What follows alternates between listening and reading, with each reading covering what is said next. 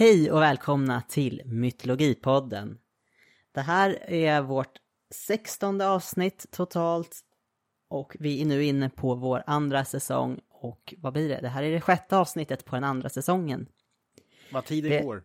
Ja, det har redan blivit juni. Det är ju helt, helt ofattbart. Och det här avsnittet blir ju lite speciellt med tanke på att ingen av oss har valt det här ämnet. Men det är ju ett ämne som vi själva mycket väl skulle kunna välja. Och det här ämnet har då våra lyssnare fått rösta fram. Och det är om Kalevala och finsk-ugrisk mytologi. Så vi kommer väl mest fokusera på Kalevala, men vi ska ju även prata lite om det här finsk-ugriska i allmänhet såklart. Och jag tänkte att vi ska ge cred till den personen som skickade in förslaget. Ja, och det är vår lyssnare Andreas som har skickat in det här förslaget. Andreas är en av våra mer aktiva lyssnare som har kommit med flera förslag och det tycker vi är jätteroligt. Så har ni mer än en idé så skicka gärna in det. Vi tycker det är jättekul. Mm? Ja. ja. Nej, nej, men jag tycker det här är jättestrålande. Och eh, det, det var lite spännande att sitta där och titta på omröstningen förut också. Ja, För det var ju flera olika förslag och som jag sa i förra avsnittet hade jag ju en kompis som vet kuppa in det som skulle vara knepigast för mig att prata om. Men eh, med det, och det var sagt, Disney alltså. det var Disney precis. Ja. Men å andra sidan nu när det blev det här spåret så kände jag oj vad det hade kanske varit enklare att helt enkelt bara eh, snacka om eh, Marvels Tor-filmer istället. Ja, men, precis. men det här var ju roligt och som både jag och Li har pratat om i olika avsnitt så Kalevala har jag ju tänkt läsa en lång tid. Li har äntligen, eller till slut, eller ja nu, tagit sitt tag i det och faktiskt läst rubbet. Ja, jag blev klar, jag blev klar, jag blev klar med den i fredags. Ja, första, första läsningen. Eh, det, det har inte jag gjort. Men vi kan säga att det har blivit så här blodad tand för ytterligare studier för min del. Det är kul. Ja, och det är ju så det har varit med ganska många av de ämnen vi har haft tycker jag. Just att jag kan ingenting. Och sen så vill jag lära mig mer. Men det är lite därför vi kör den här podden, för att vi tycker det är intressant och podden ger oss ett tillfälle att nörda ner oss i olika mytologiska ämnen. Mm. Och jag vill säga efter att ha läst Kalevala att den är mer lättillgänglig att läsa än vad jag trodde. Eh, Det är ju, det är ju en dikt, diktsång, men det är ju inte så att allt är på rim i den svenska översättningen jag har läst, ska sägas. Eh, Den jag har läst översättningen av eh, Mats och Lars Huldén som kom ut 99. Eh, och det är, det är ganska lättsamt kul språk, så att den kan, kan jag rekommendera. Kommer du lämna Tolkien för det här nu? Absolut inte. Men jag lovar, Tolkien kommer komma upp senare i det här avsnittet också. Är det sant? Det är helt sant. Ja. ja, nej men vi får väl se hur eh, jag ska få in eh, mina gamla spår. Men jag kan säga att den Kalevala jag sitter med, den är översatt och tolkad av Björn Kolinder. Vad har han översatt och tolkat mer, Li? Ja, det är Beowulf. Ja, men se där, då löste vi Ja. det. Tack, tack. Ja. ja, men är vi redo att köra igång? Är det något mer vi borde säga? Det, är, det- kanske det är, men eh, vi kör igång.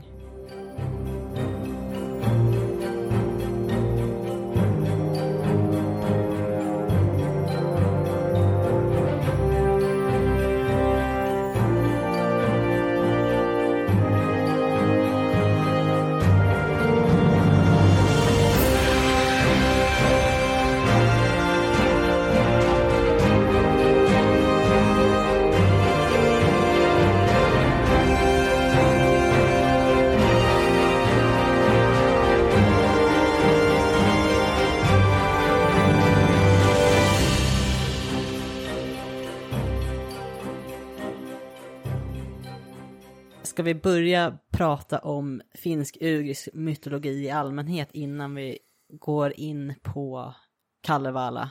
I synnerhet. synnerhet. Det man kan ju säga då först och främst är ju att det är en sorts eh, förkristen religion eller världsåskådning. Man kan också kalla det för fornfinsk religion. Det är tekniskt sett lite som du har varit inne på tidigare Erik, att Finland tillhör ju faktiskt Norden och det blir ju då en sorts fornnordisk religion, mytologi också. När man är inne just på det finska området så kan man ju kalla det för fornfinsk religion i så fall. Eller mytologi. Eh, det kluriga med det här är ju att det saknar skriftliga så kallade förstahandskällor från den här fornfinska. Och det man har att utgå ifrån är folktro, eh, den kvarlevande muntliga traditionen. Till exempel Kalevala diktning och sånger, vilket är det som samlades in väldigt mycket på 1800-talet, som vi kommer komma in på. Men sen finns det också lite arkeologiska källor. Men de kan ju vara väldigt svårtolkade utan eh, kunskap om folktron och den muntliga traditionen. Den förkristna världsbilden är ju i Finland men också på andra platser grunden för folktron. Och folktron är en sammanflätning av det här forna och sen den kristna religionen, så det vävs samman. Och detta kallas för synkretism, när olika traditioner blandas. När kristendomen då kom till det finska området så hade folket svårt att ta till sig kristna treenigheten och samt, samtidigt skulle avstå från de här tidigare väsen och gudar och andar som de trott på innan. Så de gamla världsbilderna lever fortfarande kvar. I synnerhet för att de tänker inom folknån att det löser vissa världsliga problem man kan ha som att odla på sin åker och skörd och grejer. Men man har, de här kristna ritualerna som kommer in kanske snarare löser deras själsliga problem. Vart anden tar vägen efter döden och så vidare. När man pratar om finsk-ugriska folk eh, så är det ju det flera olika områden som man har att göra med. Vi pratar ju bland annat om Östersjöfinnar och det är då finnar i Finland och ester, kareler och kareler är de som bor i Karelen, vilket är idag är både i Finland och Ryssland. Liver i Lettland och sen är det delar av Västryssland där också finns Östersjöfinnar. Så att det är ju den här äh, östliga kulturen på andra sidan Östersjön från där vi i Sverige bor. Samer ingår i den här finsk-ugriska folken. Och sen finns det andra folk då i olika delar inom Ryssland och kring Ungern som jag inte tror att vi kommer prata så mycket om. Men genom att diskutera just Kalevala så kommer ju vårt fokus ligga mest kring Östersjöfinnar. Och när vi då pratar om det här finsk-ugriska, det är ju att de finsk-ugriska språken sträcker sig ju kors och tvärs i de här områdena du pratat om. Och ja. Det finns olika sätt som dels då språket hänger ihop, men även myternas värld så finns det också saker som kopplar ihop. Men sen så, som så ofta när vi pratar om mytologin, att för att någonting funkar ihop så finns det också stora skillnader som kan dyka upp. Mm. Eh, om någon i norra Norge pratar om en sak som påminner om någonting de nämner i Finland så kanske det ändå finns andra saker som gör att de tycker helt olika om vissa saker. Mm. Så jag har funderat just mycket på det här hur man ska avgränsa projektet. För jag sitter med min trotjänare när jag ska försöka få någon typ av överblick där. New Laros Encyclopedia of Mythology. Där om man slår upp då finsk-ugrisk mytologi, då dyker också upp Sibiriens animism i samma spår. Mm. Och det är ju inte vad jag har tänkt prata om idag. Och jag tror nog att det rent historiskt är stora skillnader, men så kanske språken hänger ihop istället.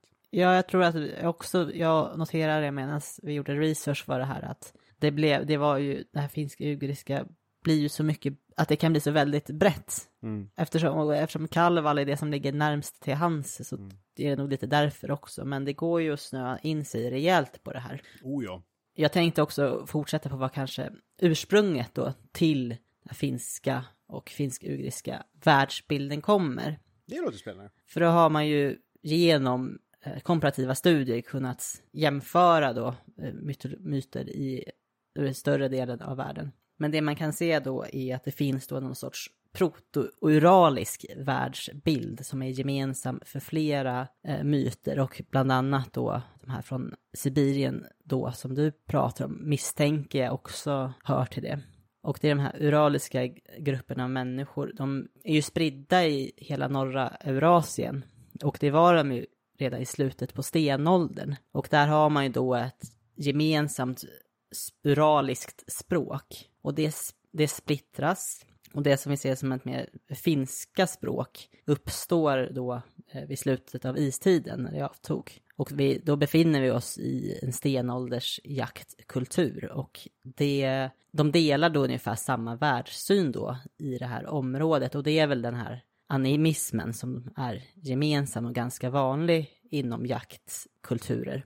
Och exempel på gemensamma motiv då som, kan, som dyker upp i de här eh, olika myterna som har ett ursprung i den här proto-uralistiska världsbilden är då till exempel att man har Polstjärnan som himlens mittpunkt, som en så här eh, kosmologisk, i en kosmologisk tematik. Och att det finns en kosmologisk horisontell och vertikal riktning. Jag kan förklara det lite mer när jag bara gått igenom de här exemplen. Eh, sen har ofta det här norr, väderstrecket norr har en mytisk innebörd, att det som finns åt norr, det, det är något speciellt i den riktningen. Sen att vattendrag har en väldigt central betydelse för att förena det inomvärldsliga med det utomvärldsliga. Utomvärldsliga, det, det är lite mer så supernatural, som vi tänker på som övernaturliga krafter och andar och sånt. Några exempel på det här då är ju att tanken om att det finns en världspelare eller ett världsträd som är fäst i Polstjärnan då. Och då kan vi prata om en vertikal riktning, alltså upp och ner.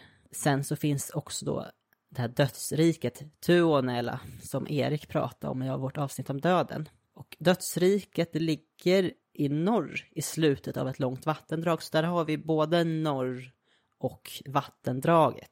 Och det här utomvärldsliga då blir ju nästan det här eh, dödsriket, det som händer efter döden. Tuonela är samtidigt, samtidigt under jorden, ja, som jag var inne på. Så att där är det också en koppling till en vertikal riktning på något sätt.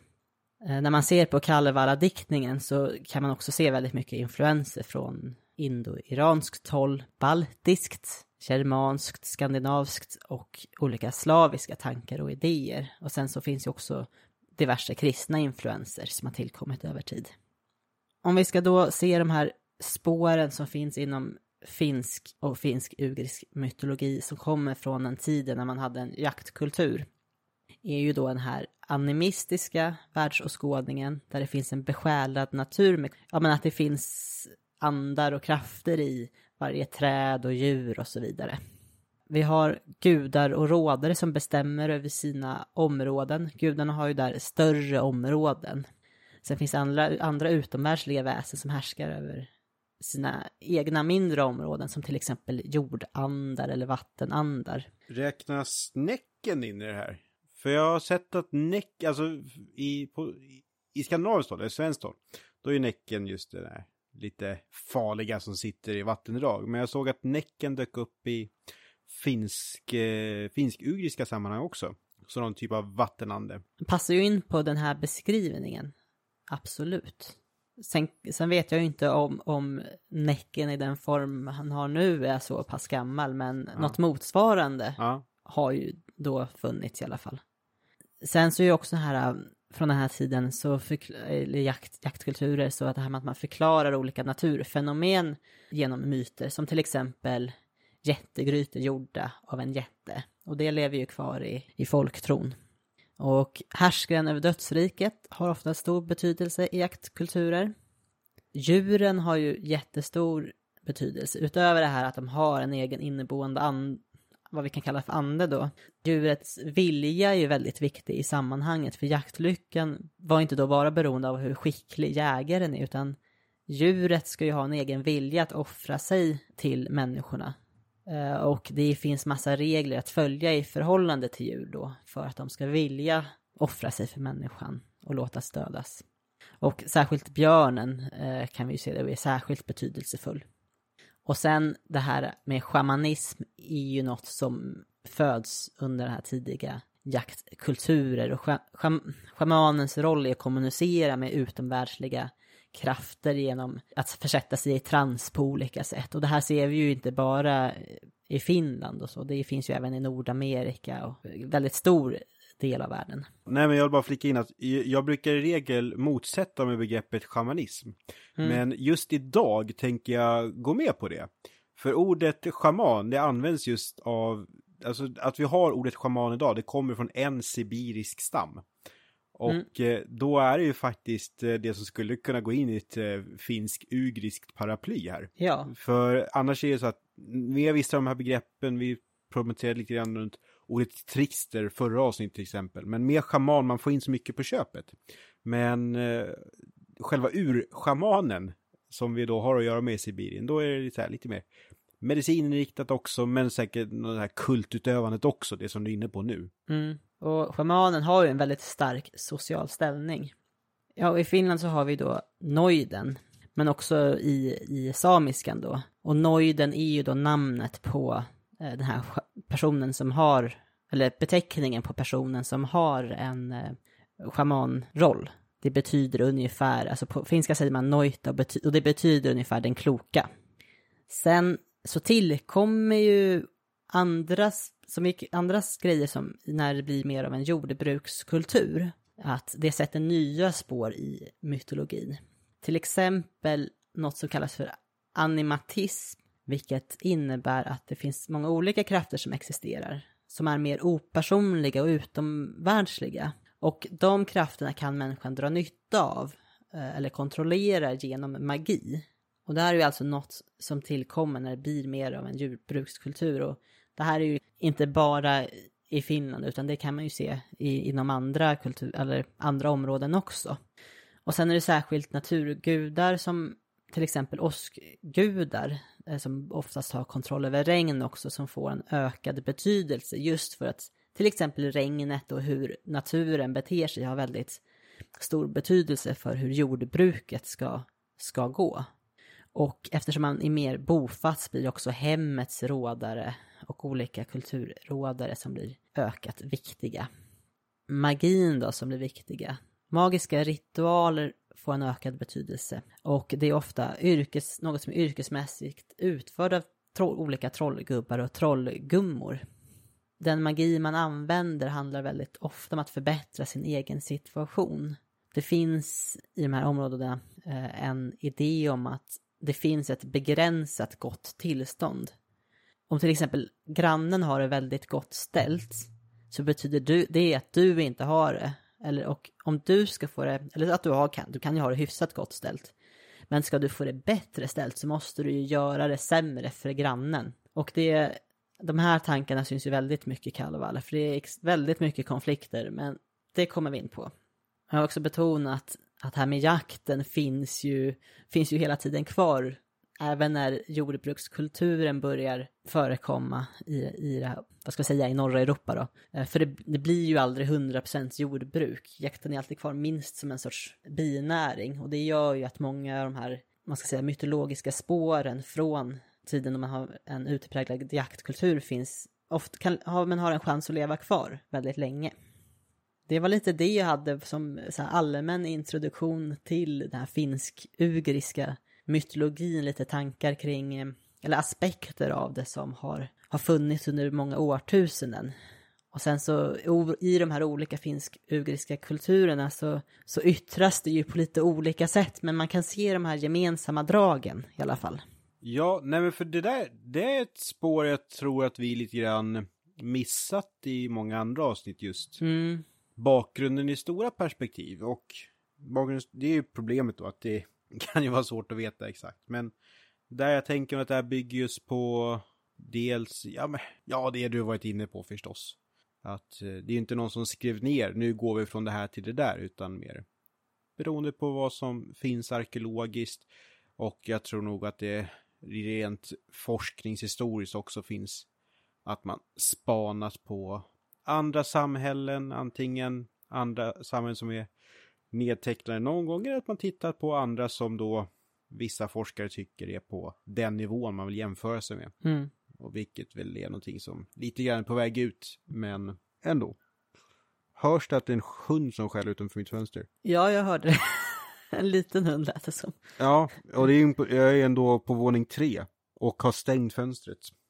Dens, eh, den lilla hundens ande är stark. Det kan man verkligen säga. Ja.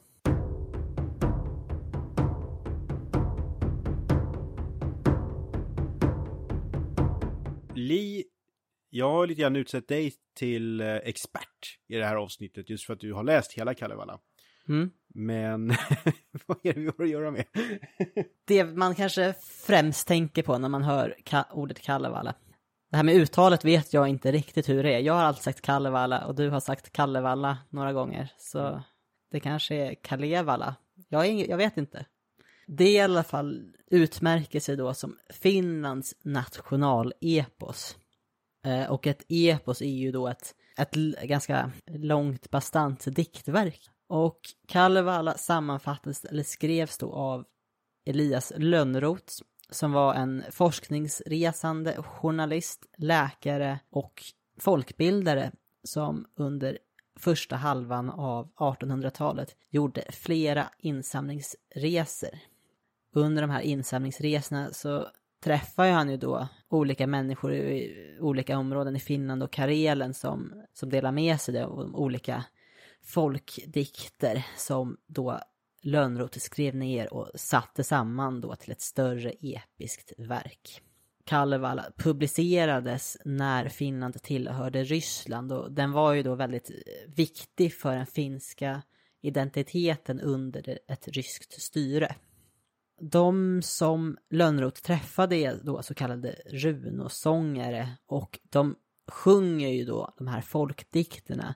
Så det, det är ju sånger mer än dikter egentligen. Jag såg någon, det kanske var avsnittet vi pratade om det här förut. Mm. Att Lönnroth har ju blivit ifrågasatt just för att det här verket är ju så mycket mer än vad någon känd runosångare har använt sig av. Ja. Utan alla har ju då i en muntlig tradition tagit till sig det här materialet kanske kunnat några sånger var. Och sen så har då han gjort det här oerhört bastanta arbetet och så är det då, det är det här representabelt för den här typen av runsjungartradition?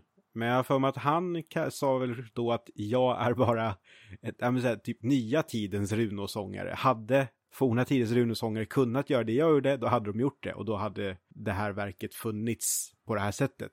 Allt han samlar in finns ju inte i den här texten heller. Han har identifierat som en, en längre tråd av sånger och berättelser som fungerar ihop. Så han har liksom valt det som kan bli eh, något, en lång sammanhängande berättelse på något vis. Och då kan jag tänka mig lite utan att ha funderat ytterligare på det här, men just relationen mellan de två Eddorna vi har. Mm. Att eh, vi har äldre Eddan som är massa dikter. Har man tur är det några som hänger ihop, men också några som är i princip fristående. Och sen så finns då yngre Eddan, eller Snorres Edda, det lite mer knyts ihop samtidigt som det är förstås mycket som inte kommer med. Mm. Eh, förstår du hur jag tänker? Ja, jag förstår liknelsen Ja. och det är lite åt det, åt det hållet. Eh, och också problemet, eller hur man nu ska se det, att han kom ju inte ur den här miljön själv, så jag förstår. Och det Kallevalla, alltså att det ska vara det här forna, samtidigt som det är en ganska sen version som kan skrivas ner, även fast det då är en muntlig tradition, kan bevara saker jättelänge. Så ja, det finns lite svårigheter, tycker jag. Vi- Mm. Det kanske vi skulle komma till senare, men bara när vi är inne på honom, Lönnroth. Lite mer bara om Kalevala. Namnet Kalevala, det kommer då från platsen där de här dikterna, eller sångerna, äger rum. Kaleva, eller Kaleva, med uttalet, jag ber om ursäkt om, om folk kan det bättre, men betyder då hjälte. Och ändelsen la är en beteckning på plats. Så Kalevala är ju, betyder egentligen hjältarnas land. Och hjältarnas land är då en del av södra Finland och Karelen. Exakt var gränserna går vet jag inte. Sen hittar jag inte så bra i Finland heller. Och eh, Kalevala publicerades i två, vid två tillfällen. Först 1835 som Kalevala eller Gamla karelska dikter om finska folkets fornetida dagar. Sen kom den nya Kalevala ut, alltså med, ännu med fler nya dikter i 1849, så då hade den genomgått en sorts revidering. Och den nya Kalevala innehåller 50 stycken sånger som är skrivna på Kalevalameter, även kallat för finsk runometer. Runometern beräknas vara flera tusen år gammal och kännetecknas av en sorts en rytm av upprepningar och allitteration. Vad säger man? Det här versmåttet innehåller väldigt många liknelser. Här är i alla fall ett exempel på hur det kan låta. vanha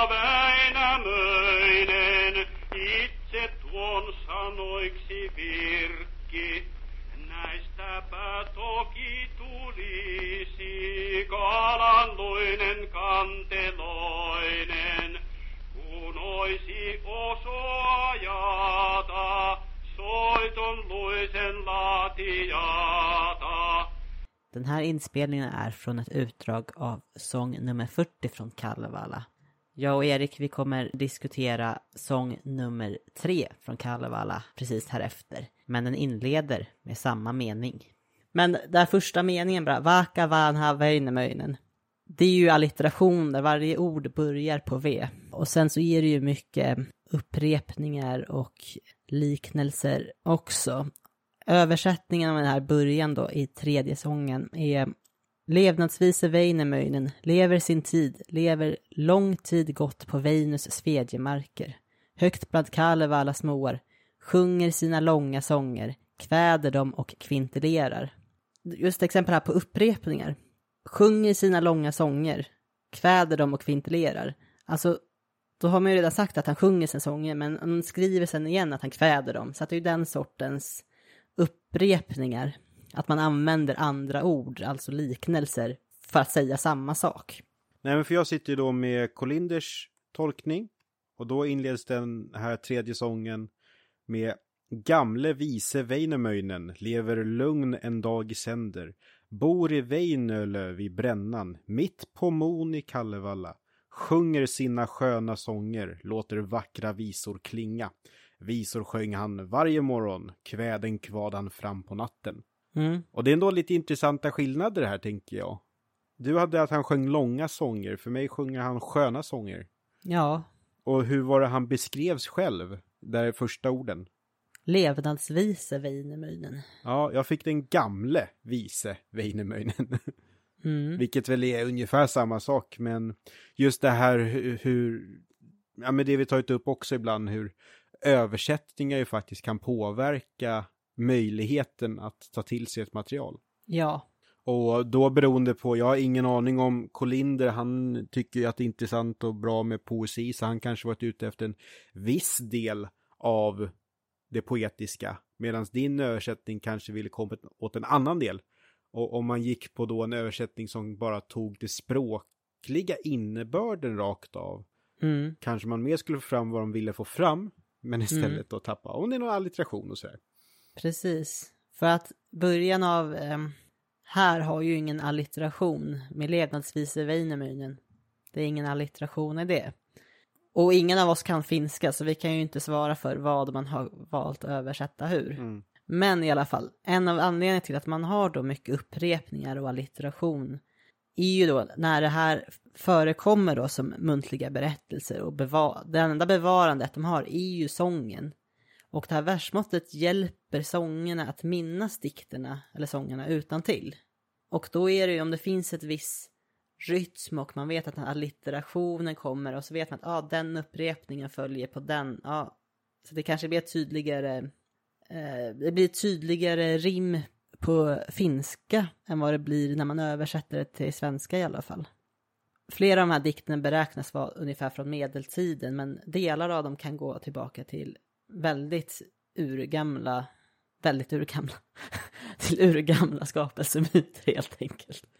Men vi får också, om vi ska gå in på det här lite mer med kritiska ögon igen så får vi tänka på att det här materialet samlas in i början på 1800-talet eh, under en kristendom. Det finns en nationalism och råder och nya sociala strukturer att som, som Lönnroth och andra som har gjort motsvarande arbeten i och utanför Finland inte tagit hänsyn till men varit starkt präglad av.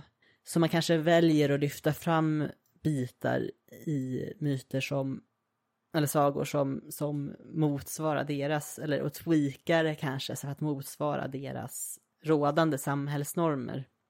Alltså, det är ju inte kul att läsa den här med liksom någon sorts feministisk värdering i bakhuvudet. Det, kvinnorna har inte särskilt stark, har inte så stark ställning egentligen eh, i fråga om samtycke när det kommer till giftermål och sånt.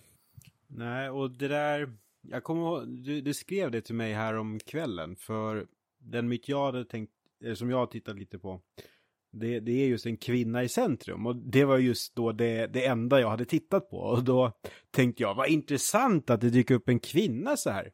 För mm. det, i, i mytologiska material att eh, det är ju ofta män som träder fram ganska tidigt. Men då när du skrev det där så kände jag, okej, okay, om jag fortsätter läsa kanske kommer dyka upp en helt annan bild. Alltså att jag mer råkade läsa rätt stycke. Mm. Ja. Nej, det är, för det är ganska mycket i handlingen här som handlar om olika frierier och giftermål som är, ja, det är så, sådär fräscht alltså. Det är, ja, men vi kommer till det. Det, det, det, det tar upp så stor, ja, nej, jag släpper det. Mm. Men kan ska vi ta lite om så här källäget utöver? Vi pratade lite om eh, Absolut. problematik här innan. För när jag suttit och tittat på det här, jag lite snabbt så hittade jag något kul jag tänkte snöa in på. Och eh, det kommer jag lite fördjupa snart också, när jag börjar prata om min första myt. Men det jag också känner är att på internet och i uppslagsverk så står det om väldigt mycket saker om finsk mytologi eller estländsk mytologi. Och de säger inte riktigt vad de har för källa. Och vissa saker som de säger finsk mytologi, men jag hittar inte i Kalevala. Utan då måste det vara något annat verk. Eller något, och det var ju inte bara Lönnroth som samlade in, utan det var ju andra också som du var inne på. Men det känns som att det är några befästa sanningar som viss, eh, vissa böcker lite grann tappat bort att det, det, skulle nog vara lämpligt att säga var det kommer ifrån också. Och kommer det från tolkningar gjorda utifrån en myt, men man har också använt något ramverk från andra mytologier. Hur mycket av det vi säger om finsk mytologi egentligen har man fyllt luckor med eh, norrön eller rysk mytologi? Jag, jag vet inte. Och det tycker jag är krångligt. Och också just det här att det är rätt sena källor vi har för, vad är han heter? Väinämöinen eller han, vad heter han med L? L-namnet. Lemminkainen. Ja, för de nämns ju långt innan att Lönnroth skrev ner det här. Det är, någon av dem är med, någon text på 1500-talet har jag för mig. Och det är ju jättelänge sedan. Mm. Eh, samtidigt som det då redan då kan ju ha hunnit komma att förändras mot en urversion eller vad man ska se det. Och det är samma problematik som nej, men när vi pratat om det nordiska också att, eh, att Snorre skriver ner där 200 år efter vikingatiden i en kristen miljö. Det påverkar förstås vår bild av det nordiska, eller ja, nu säger jag nordiska igen, men det nordiska minus finska materialet. Mm. Precis, jag har också, jag, jag har märkt det nu har jag fokuserat på främst läsa Kalevala. Mm. Eh, och så idag försöka hinna med lite fördjupningar i ja, men en så här mer akademisk eh, publikation. Och jag ser ju att det är referenser till andra 1800-talsgubbar som har samlat in och jag bara ah, okej. Okay. Så att jag tänker att det finns ju mycket insamlat material men det är ju väldigt få som är utgivna på ett så tydligt sätt som Kalevala som som, befäst, som på något sätt kan befästa hela det här och till exempel när man läser på eh, en del på Wikipedia också, bara, det refereras till Kalevala hela tiden. Bara, ja, det här som det liknande behandlas i Kalevala och så bara, mm. ja, det var typ en mening och inte alls som det stod på Wikipedia och då kommer ju det någon annanstans ja. ifrån. Men så att det, det finns paralleller till Kalevala, men vi har inte hunnit eh, hitta exakt var och när de alla para, alltså, sådana paralleller, var de kommer ifrån och vad deras käll bakgrundstråd är. Jag känner just nu vad, vad höga förväntningar jag har på vårt efterforskande när biblioteken börjar öppna igen. Jag har inte varit på ett bibliotek på evigheter.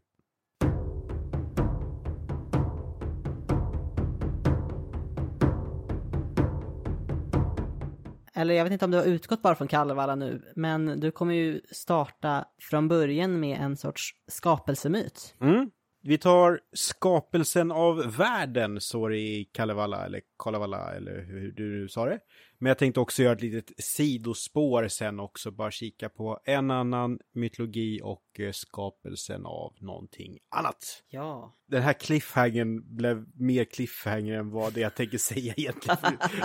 det, det, det är inte så påläst och revolutionerande som jag fick det att låta som nu som, som sig bör så finns det ju en skapelseberättelse och det är en sån, så jag kan bara säga det inledningsvis, att det är Kalevala jag tittat på här och jag har försökt hitta en skapelsemyt ifrån samiskt håll och jag har kikat lite efter från estländskt håll men inte alls hittat någonting som är lika utförligt som i Kalevala. Där har vi liksom återigen bara den här problematiken med en gång. Men ganska tacksamt så kommer starten av världen ganska tidigt i det här verket. Det kommer redan i första sången. Och jag tänkte bara bolla lite med dig, Li, här allra ja. först. Att starten på första sången, det är lite som att man sitter och bara snackar inför att själva berättelsen ska, ska komma igång, känner jag.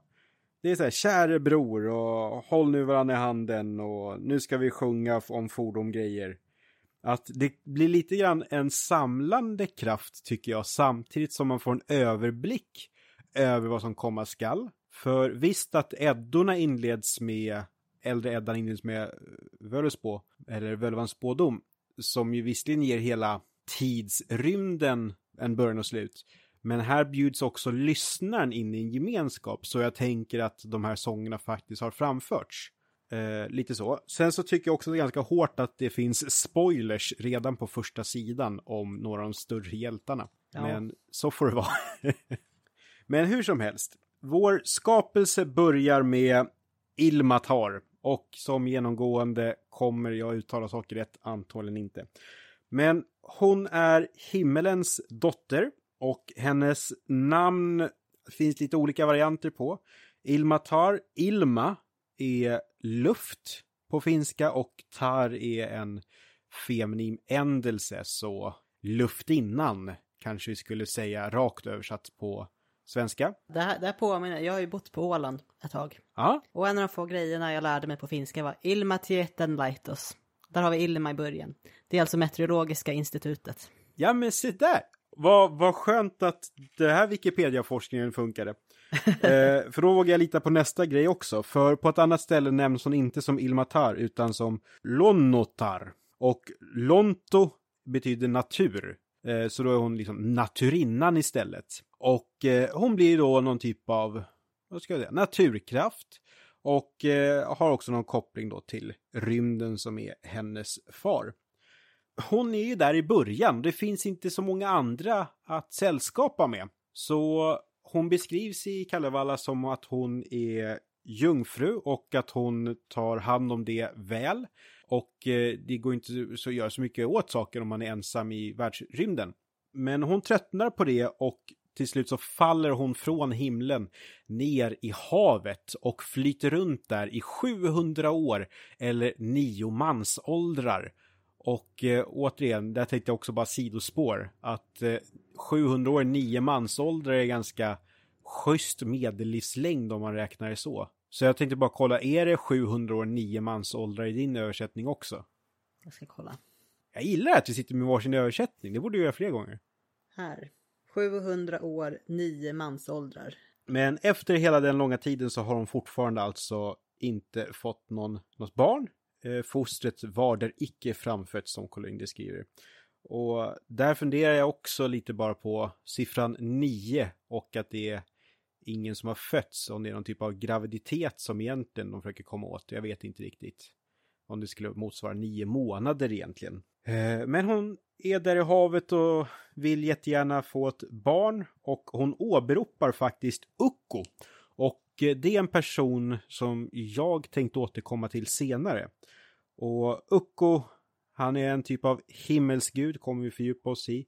Men till och med den här urgudinnan åberopar honom för att då lösa sitt barnlösa problem.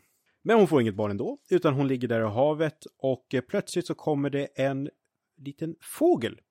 En vattenfågel och här tror jag att det också kommer spela mycket beroende på vilken översättning man har. Och på internet har jag sett folk skriva om både vattenlevande fåglar, ankor, svanar, allt möjligt. Men hos Kolinder så är det en knipa som kommer och letar efter ett ställe att lägga sina ägg. Och när Ilmatar ser det här så låter hon sitt knä sticka upp lite grann ur vattnet och fågeln tror att det här är en liten klippa. Så den lägger sina ägg på hennes knä. Och det här skulle ju då kunna vara någon variant för Ilmatar att faktiskt vara en delaktig person i den här familjen. Men plötsligt så blir hennes knä så oerhört varmt så hon rycker till och äggen trillar ner i vattnet. Men istället för att bara gå sönder och gå till spillo så bildar istället de här äggen själva grundstommen i vad världen kommer att bli. Och det ägggulan, äggulorna blir till solen, jag tror att äggvitan blir till månen. Och äggskalet blir till mark och sådär och det är lite små grejer som blir till stjärnorna och allt möjligt.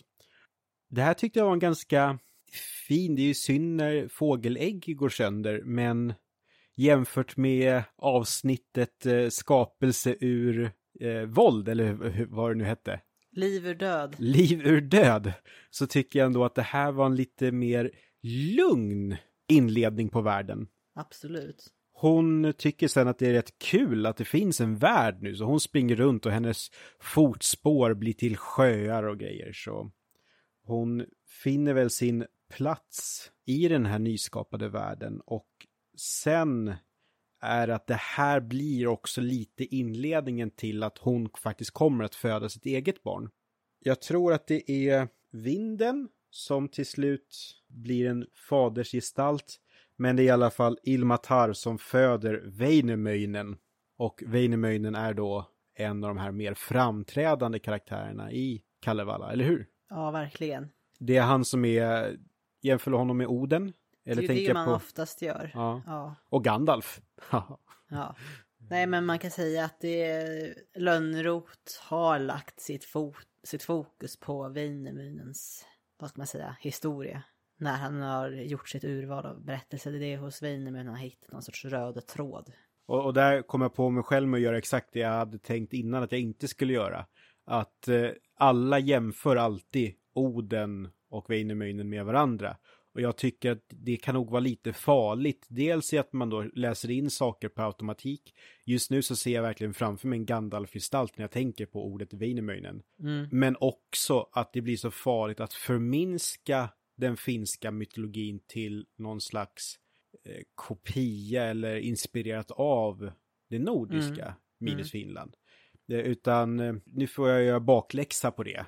Eh, bara så att jag har det sagt, utan säger, man, jag upplever ju Väinämöinen som väldigt egen när jag läser Okej, okay. ja men vad bra. Skönt. Och, och, och då blir det också intressant för du har också sett beskrivningen att han jämförs med Oden. Ja. Och då om du läser där och inte ser på samma sätt, då är det ju verkligen hur forskningen och andra har läst in det här och sen har det blivit en sanning som kanske inte ens stämmer då. Ja. Jag, jag tror att det kanske är just det mycket att de är väldigt, vad säger man, kringflackande. Alltså mm. de rör på sig väldigt mycket.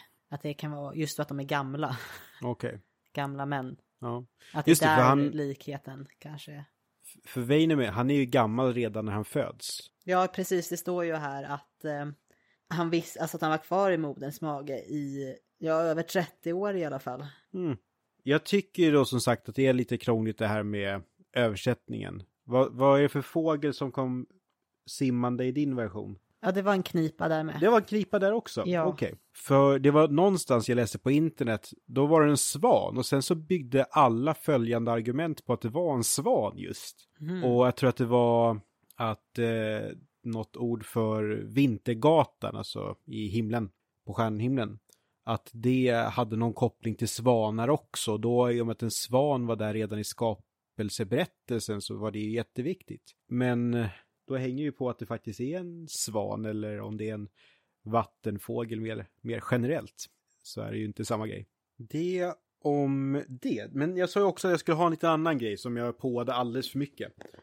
Och eh, det är bara att vi ska ha en liten mer utspaning i, eh, i annat eh, material och då tittar jag på det samiska och, och i det samiska hittade jag ingen riktig skapelse av själva världen. Eh, utan det dök upp lite grejer på internet förstås. Jag kände här är källan så otydlig så jag kommer inte ta upp det. Okay. Däremot så i Laros Encyclopedia, där tar de upp lite grann om var människor kommer ifrån. Och mm. det anknyter lite till en lyssnarfråga vi kommer få fördjupa någon annan gång. Men mm. vår kära Nils eh, undrade lite, i och med att vi har pratat om hur världar skapas, men var kommer människor ifrån? Och eh, då är det att hos samerna ska det finnas ett eh, par och det är Mader Atcha och Mader Akka. Mader Atcha är en man och det är han som skapar själen på människor. Och Mader Akka, hans fru, skapar kroppen. Om det är så att det här kommer vara en pojke som föds, då kommer mannen, Mader Atcha, att skicka det här blivande barnet till deras dotter, Ux-Akka. Och eh, om det är en flickebarn som är på väg att födas kommer istället att skickas till en annan dotter som heter Sar-Akka. Så efter att ha gått igenom de här stegen med antingen då eh, gudomliga paret plus en dotter eller gudomliga paret plus en annan dotter. Sen kommer det här blivande barnet att hamna i magen på en kvinna som kommer föda det. Eh, men i alla fall så finns det då ett eh, gudomligt människoskaparpar som är delaktiga i att det, det kommer människor överhuvudtaget. Och sen så vet jag då inte riktigt om det skulle kunna finnas någonting som är själva urskapelsen av den första människan. Utan det här är ju då lite mer fortgången av människan som å andra sidan jag inte kan något alternativ till i den, den norröna litteraturen. Så det är intressant att det steget finns med. Mm. Och en kompis jag pratade med förut eh, sa att det skulle finnas någon variant på den här myten då eh, i och med att själ och kropp skapas av manlighet och kvinnlighet, att det också skulle kunna finnas någon förklaring i transpersoner i det här också, beroende på själ hamnar i vilken kropp och så. Mm. Däremot så har jag inte, då hittat ur, ingen urkälla på just det, men ändå. Det finns alltså minst en finsk-ugrisk förklaring till var människor kommer ifrån. Ja, för jag, när jag läste Kalevala så det är ju inte många karaktärer som slår mig med att kännas som människor.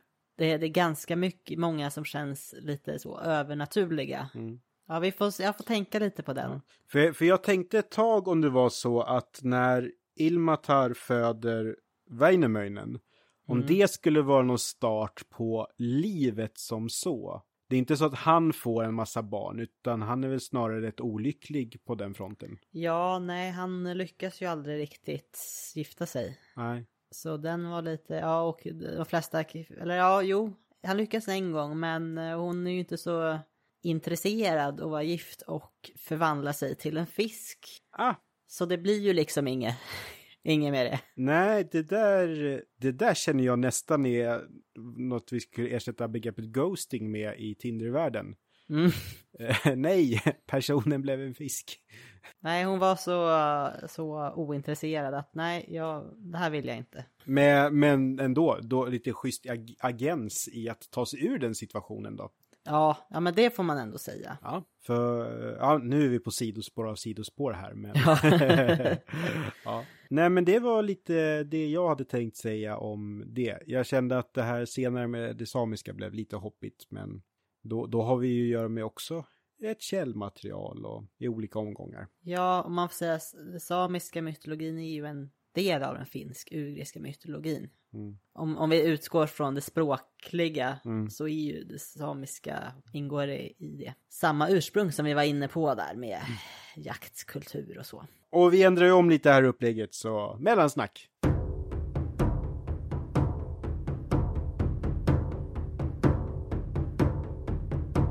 Nu har vi ju tagit den första delen bara. Men vi hade ju, eftersom vi hade så långt intro på både finsk-ugriskt och Kalevala så tar vi vårt mellansnack redan nu och hoppas att vi hamnar ungefär i mitten av avsnitten. Vi brukar mm. inte vara jättebra på det. Men vi hoppas att det blir så nu.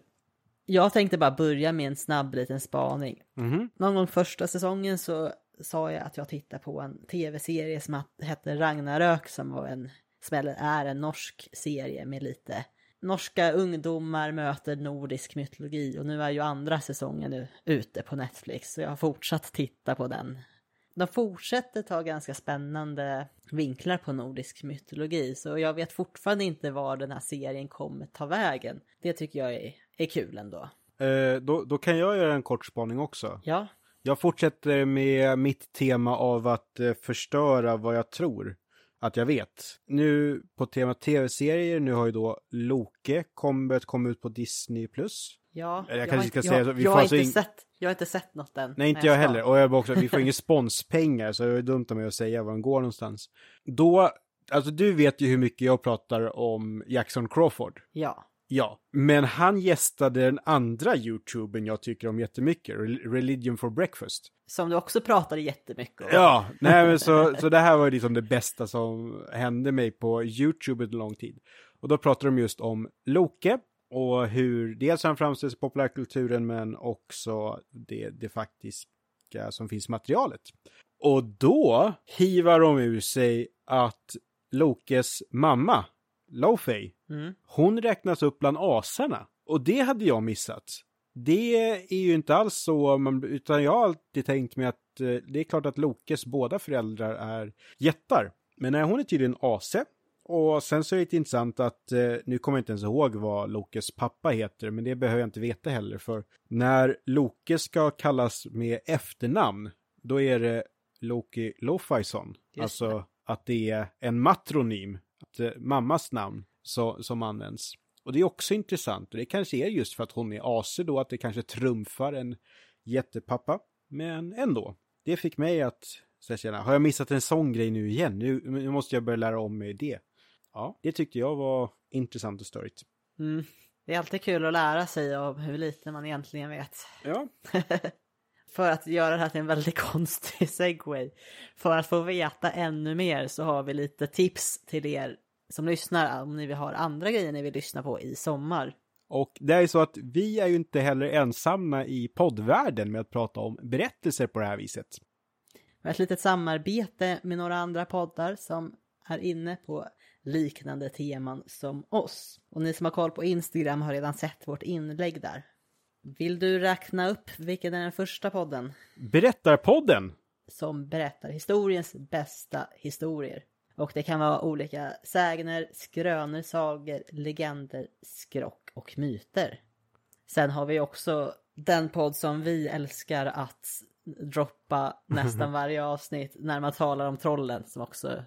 Ja, det, det, det är min, den är med i min topp tre av svenska poddar. handlar om folktro och dels lite dramatiserade, eller vad ska jag kalla det, uppläsningar av eh, nedskrivet material. Men också oerhört intressanta nedslag och utblickar i ett väldigt stort material. För jag kan ibland tycka vad, vad lite det finns om folktro, men sen lyssnar man på det där och känner vad mycket det finns om folktro. Verkligen. Eh, och det är riktigt skönt också, för de får också våra två timmars avsnitt att kännas ganska korta. Ja, vi Ja. är inte ensamma på fler timmes nivån.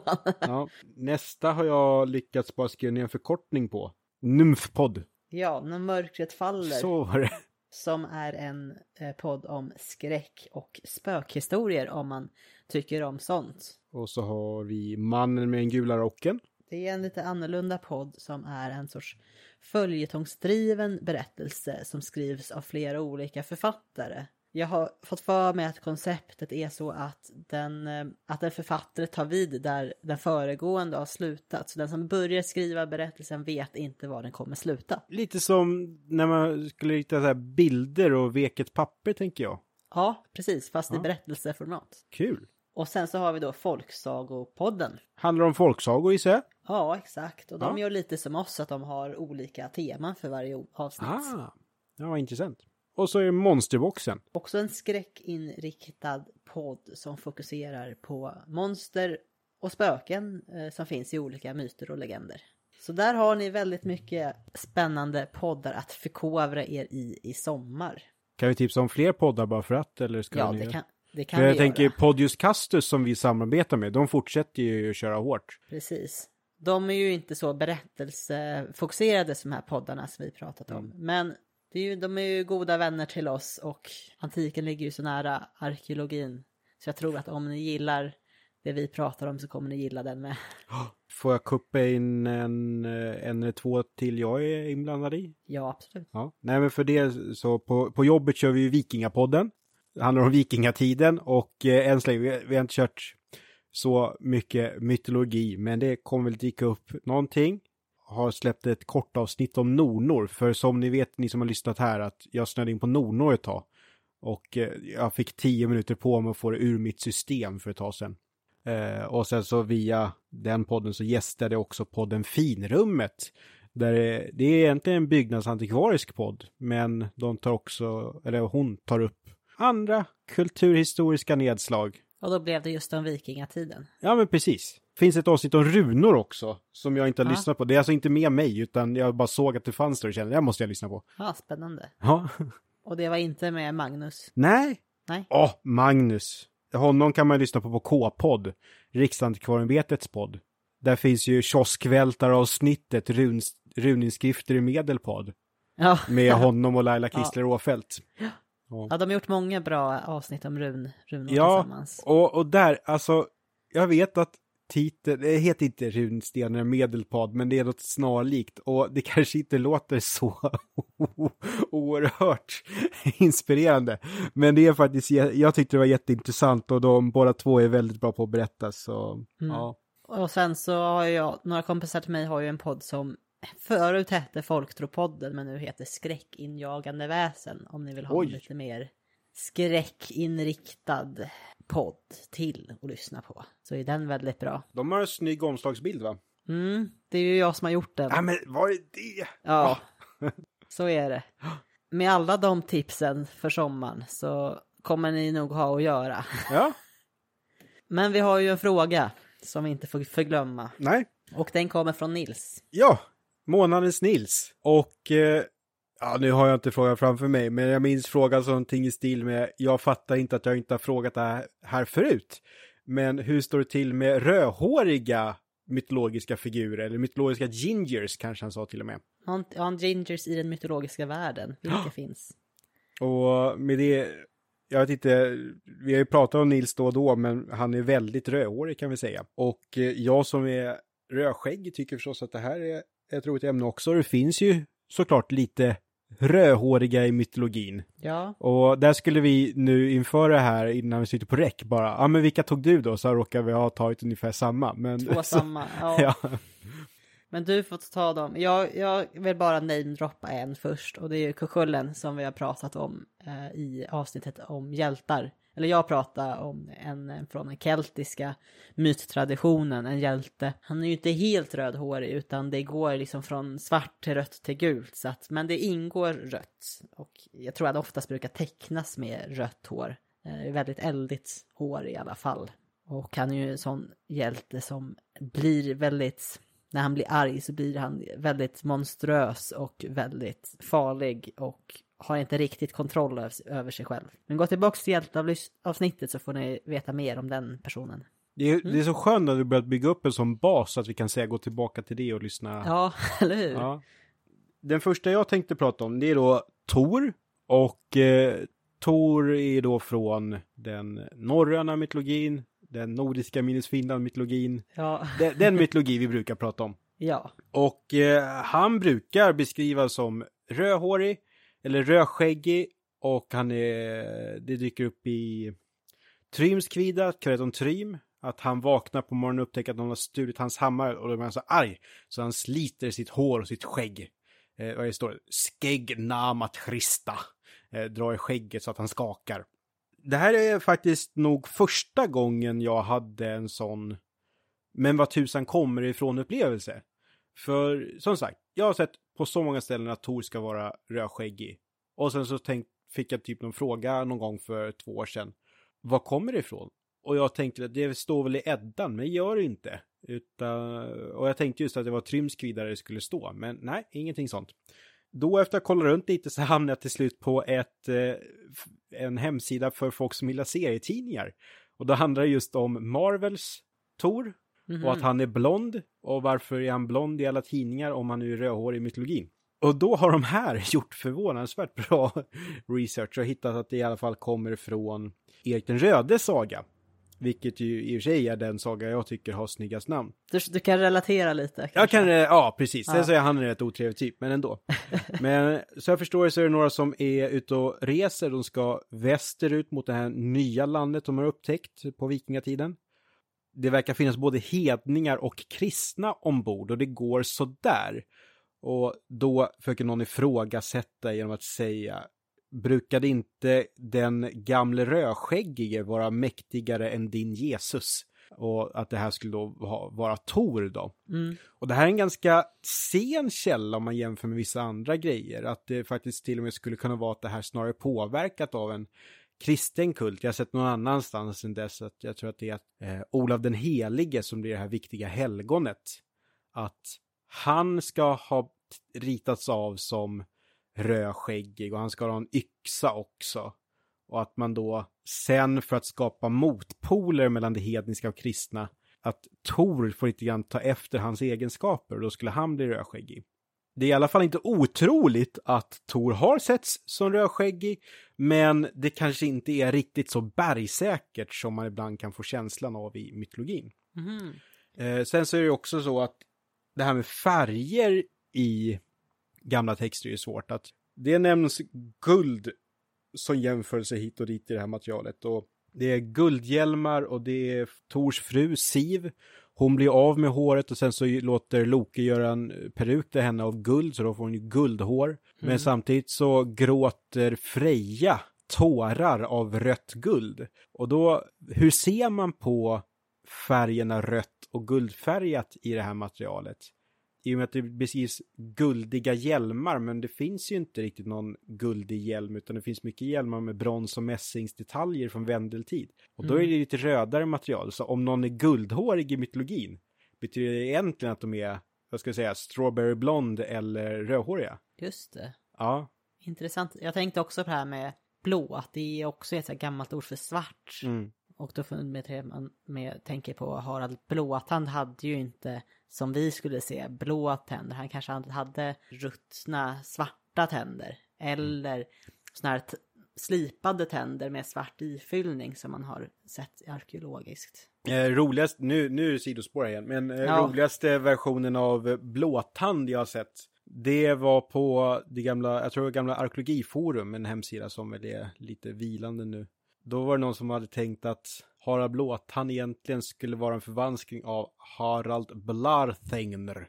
Alltså Harald den blåsvarte riddaren. Och att det då skulle vara att om han hade ringbrynja på sig som var lite blåsvart skimrande silver eller järn. Och han var ju en Mm. och- alltså en tegn är en krigare. Och det låter ganska likt tand. Så skulle det kunna vara en förvanskning där.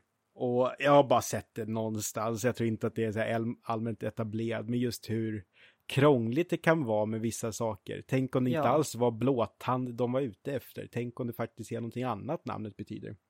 Jag tänker på i vissa språk, och gud jag vet inte, jag kanske nämnt det här förut, men att blå och grön, så som det som vi kallar blå och grön ses som en och samma, som en delar av en och samma färg i vissa språk. Och jag tror, jag hade någon, jag läste någon kurs om grekisk litteratur för några år sedan. Eh, det känns som att det var så länge sedan jag läste den så att det inte ens var antik grekiska utan då var det bara modern grekiska fast det var länge sedan. eh, men just, alltså det finns ju en teorier om att forntida Greklands människor uppfattade färger på ett annat sätt än vad vi gör idag. För så färger kan beskrivas i till exempel Iliaden och Odysseen. Det skiljer sig så mot hur vi skulle uppfatta någonting. Mm. Eh, de kallar väl havet, det vinfärgade havet tror jag dyker upp någonstans. Och vin är ju rött tycker vi, eller lila, men speciellt i Medelhavet kanske inte är riktigt den nyansen vi skulle se. Men ja, det är krångligt att sätta fingret på färger. Och det tänker jag ta lite som ett spår in i nästa rödhåriga gud. Ja, eller ja, halvgud blir det då, för då är det också den som du också hade skrivit ner, då, Achilles. ja Achilles. Eh, som är dunderhjälten, den grekiska dunderhjälten från Iliaden. Han ska vara rödhårig, men då, vad, vad menar man med rödhårig då? Det, det, det är Mm. också, alltså även idag, rödhåriga kan ju vara oerhört skiftande spektrum och Ja, för jag tänker, jag tänker på eh, också nu som jag bara kom på nu är Kung Arthur brukar ju beskrivas som att ha så här rödbrunt hår, alltså Ja, auburn. Och är det brunt eller är det rött hår då? Eller? ja, ja. sånt där kan vara krångligt och alltså det, det är bara utifrån mitt eget liv. Vi kan säga att jag har släppt att prata om vilken hårfärg jag har. För om ni inte vet hur jag ser ut, jag har rätt orange skägg men jag har rätt brunt hår. Men vissa tycker att jag är rödhårig för att skägget är rött. Och vissa tycker att jag är blond för att det inte är brunbrunt hår. Men det är ju inte ljust hår jag har. Alltså det, det blir så på individnivå att bestämma vad Mm. någon har för hårfärg. Och då Mm. tänker jag också att i det då mytologiska texter, vem är rödhårig? Men, men du kom på en till uh, ur det grekiska.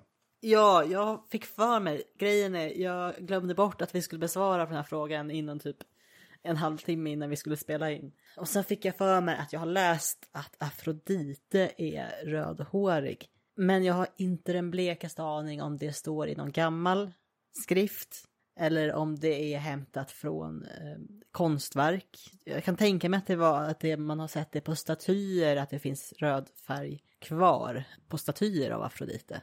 Men det var det jag kom på det utan att egentligen ha kollat upp det särskilt noggrant. Men hon målas väl åtminstone på renässanskonstverk som lite, åtminstone strawberry eh, blond. Nej, jag googlade lite snabbt här. Eller tänker jag på, ja. Och, och hon dyker ju upp att eh, hon beskrivs som rödhårig men jag hittar inte någon urkälla på det. Nej. Eh, och i samma veva så dök det också upp eh, att eh, sköna Helena från Troja då, i Iliaden, att hon också ska ha beskrivits som rödhårig. Mm. Och då borde det ju stå i Homer, Homeros Iliaden förstås. Ja. Men, eh, Ja. ja, men här, någonting, traces of red paint och någonting om curly hair. Ja, okej. Tar inte hela kontexten på det, men ja, ja. Nej, ja, men då, var, då hade jag plockat upp det från något sånt, något sånt sammanhang Ja. förmodligen, ja. Mm. Eh, Men jag, jag var lite dålig på den här läxan, jag ber om ursäkt. Ja, nej, eh, samma här. Och Jag, fick, jag har för mig att det finns väl någon keltisk gud, Lug, som jag också Mm. tror brukar avbildas som rödhårig. Och där tänker jag, med det keltiska materialet, att det är så lätt att då speciellt senare konstnärer tänker kelter, de är rödhåriga och så blir Mm. alla gudar rödhåriga. Men Ja. jag vet inte var det kommer ifrån från början. ja, det finns ju en eh, högre andel av rödhåriga Mm. där. Så är det ju. Men det betyder ju inte hundra procent. Nej, det gör det ju verkligen inte. Nej. Och det är ju samma sak. Det är ju ganska hög andel rödhåriga uppe i Skandinavien också, historiskt sett. Är vi nöjda med det? Eller vi, vi är inte nöjda med, Vi är vår, inte nöjda, med vår insats, men vi har inte mer att säga nu. Jag, tänk, jag känner att det här är lite grann som de lämnade in den där lite bortglömda läxan och man nöjde sig med G. Mm, Och med det sagt, godkänt heter godkänt av ett skäl. Eh, Det är inget dåligt med godkänt. Frågan var ju, finns det mytologiska hjältar eller gudinnor som är beskrivna som rödhåriga? Svaret är ja. Då klipper vi bort resten. ja, eller Ja. Och Men det finns säkert fler än de vi har Ja, kommit på i alla fall. Men vi, vi, vi ska ta oss tillbaka till Östersjön och Finland. jag tror jag kom på varför jag säger Kallevalla så här. I mitt huvud så får jag samma rytm som om jag säger Kallemange. Alltså Karl Magnus med smeknamn. Aha, Eh, Ah. Så jag tror att det är därför jag säger det så pass kort. Kalle Mange. Jag har inte ens använt Ja. det som smeknamn på någon som heter. Eh, Om ni känner någon Kalle Mange så kom ihåg att det är samma namn som Karl den store har på latin. Charlemagne, eller det är ju på, ja. Men Ja, Charlemagne och. Karl den store, Kalle Mange, Karl Magnus. Alla bitar faller på plats. Ingen aning om han var rödhårig. Nog om det. Han var inte från Finland i alla fall, det kan man vara säker på. Sämsta sidospåret. Jag går och hämtar någonting kallt att dricka. Gör så.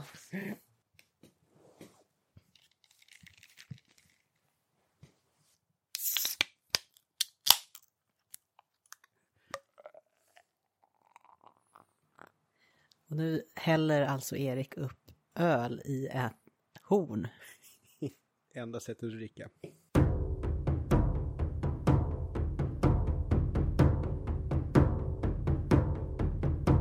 Jag har valt att börja fokusera på ett föremål som är väldigt viktigt i Kalevala. Och jag kommer prata om två karaktärer lite mer noggrant i samband med det här föremålet. Det här föremålet kallas för Sampo. Sampo är en av de röda trådarna. Ja, precis. Nämns redan i början av första sången ser jag också. Ja, så man kan säga om Väinämöinen är huvudpersonen så är Sampo den andra huvudpersonen men det är ett föremål. Sampo saknade ej sånger, Sampo åldrades i sånger. Lite parafraserat här och hoppade över lite annat. Men... Ja, så att man kan ju kalla de här sångerna som berör Sampo då är en del av en något som kallas för Sampo-cykeln då.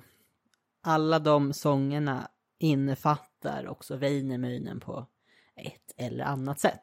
Men då berättelsen kring Sampo har en grund i då landet Kalevala som även kallas för Veinula.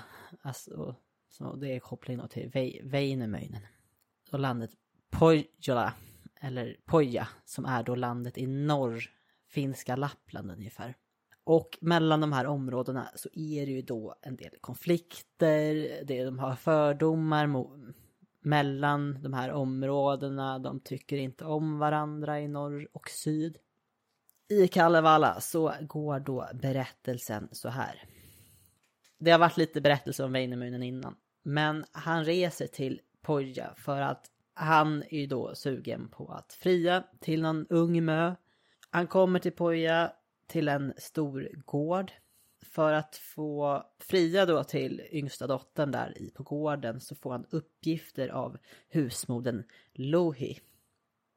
Och det är lite blandade uppgifter. Bland annat så består en av uppgifterna att smida sampo. Väinämöinen kan själv inte smida sampo så han låter smeden Ilmarinen att smida det här sampo. Efter flera olika försök med olika material så eh, lyckas då Ilmarinen att eh, smida sampo. Då låter då Lohi att Ilmarinen att fria då till en av döttrarna eh, Väinämöinen tvingar upp, har då tvingat upp Ilmarinen till Poja där för att utföra själva smidet då. Men Ilmarinen han är ju bara eh, dyster och ledsen och har hemlängtan för han vill ju inte alls vara i Pojula.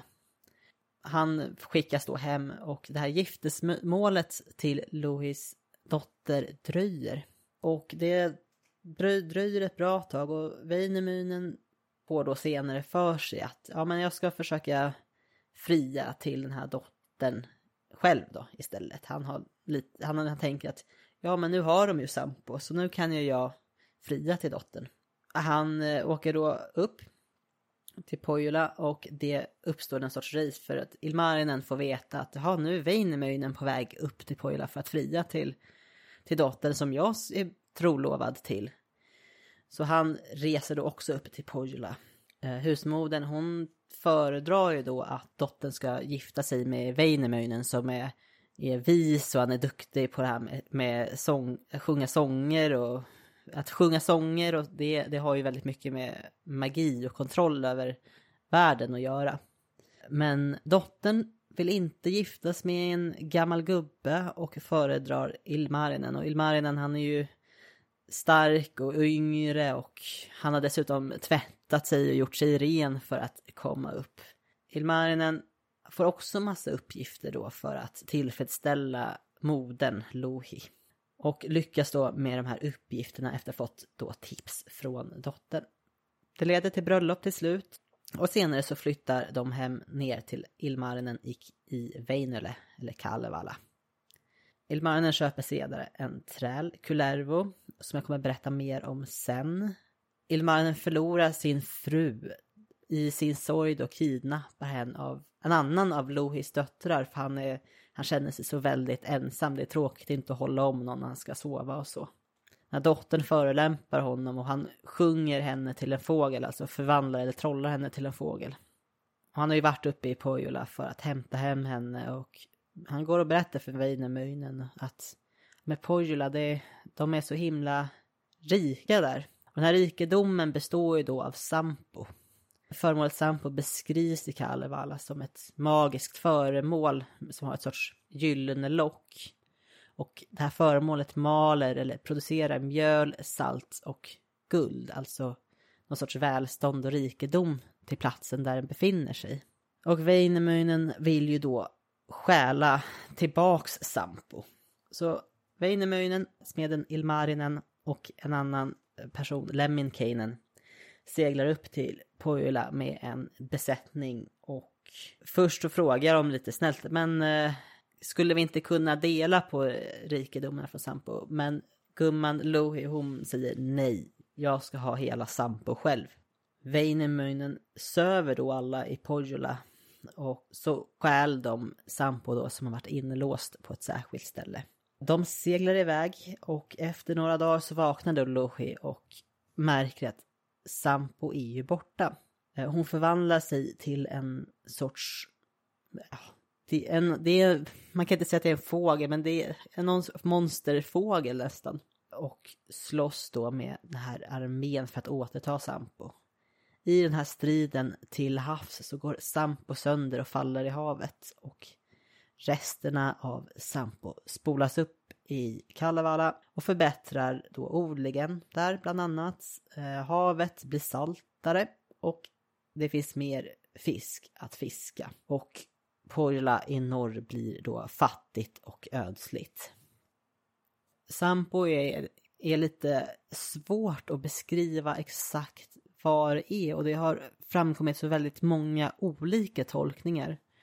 Om man ser på tolkningar utanför Lönnroths version då i Kalevala så är det någon som har beskrivit det som en sorts Pandoras box.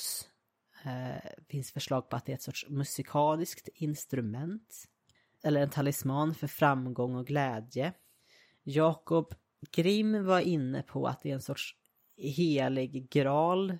Nästan som är kopplad till, till olika levebröd som jordbruk, boskapsdrift och textilhantverk.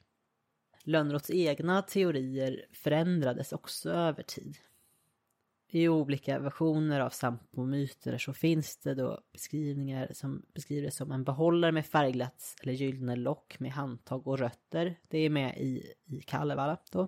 Eh, sen finns det också en beskrivning av Sampo som himlen eller en släde som ett ekträ.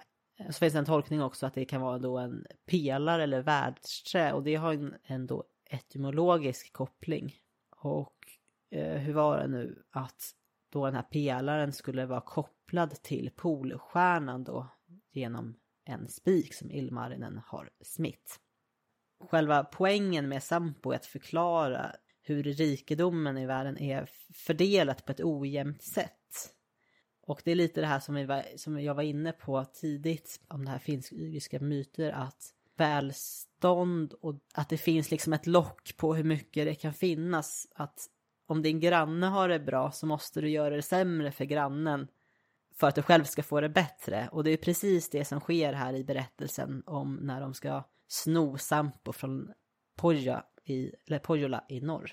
Den enda gemensamma synen egentligen kring Sampo är att det är ett föremål som gör gott för den eller de personer som besitter den.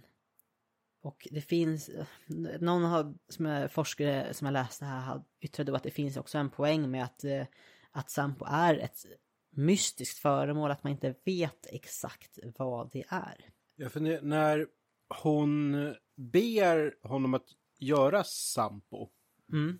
säger hon skapa Sampo eller beskriver hon mer ett koncept så skapas konceptet Sampo senare? Nej, hon säger bara smid Sampo till mig.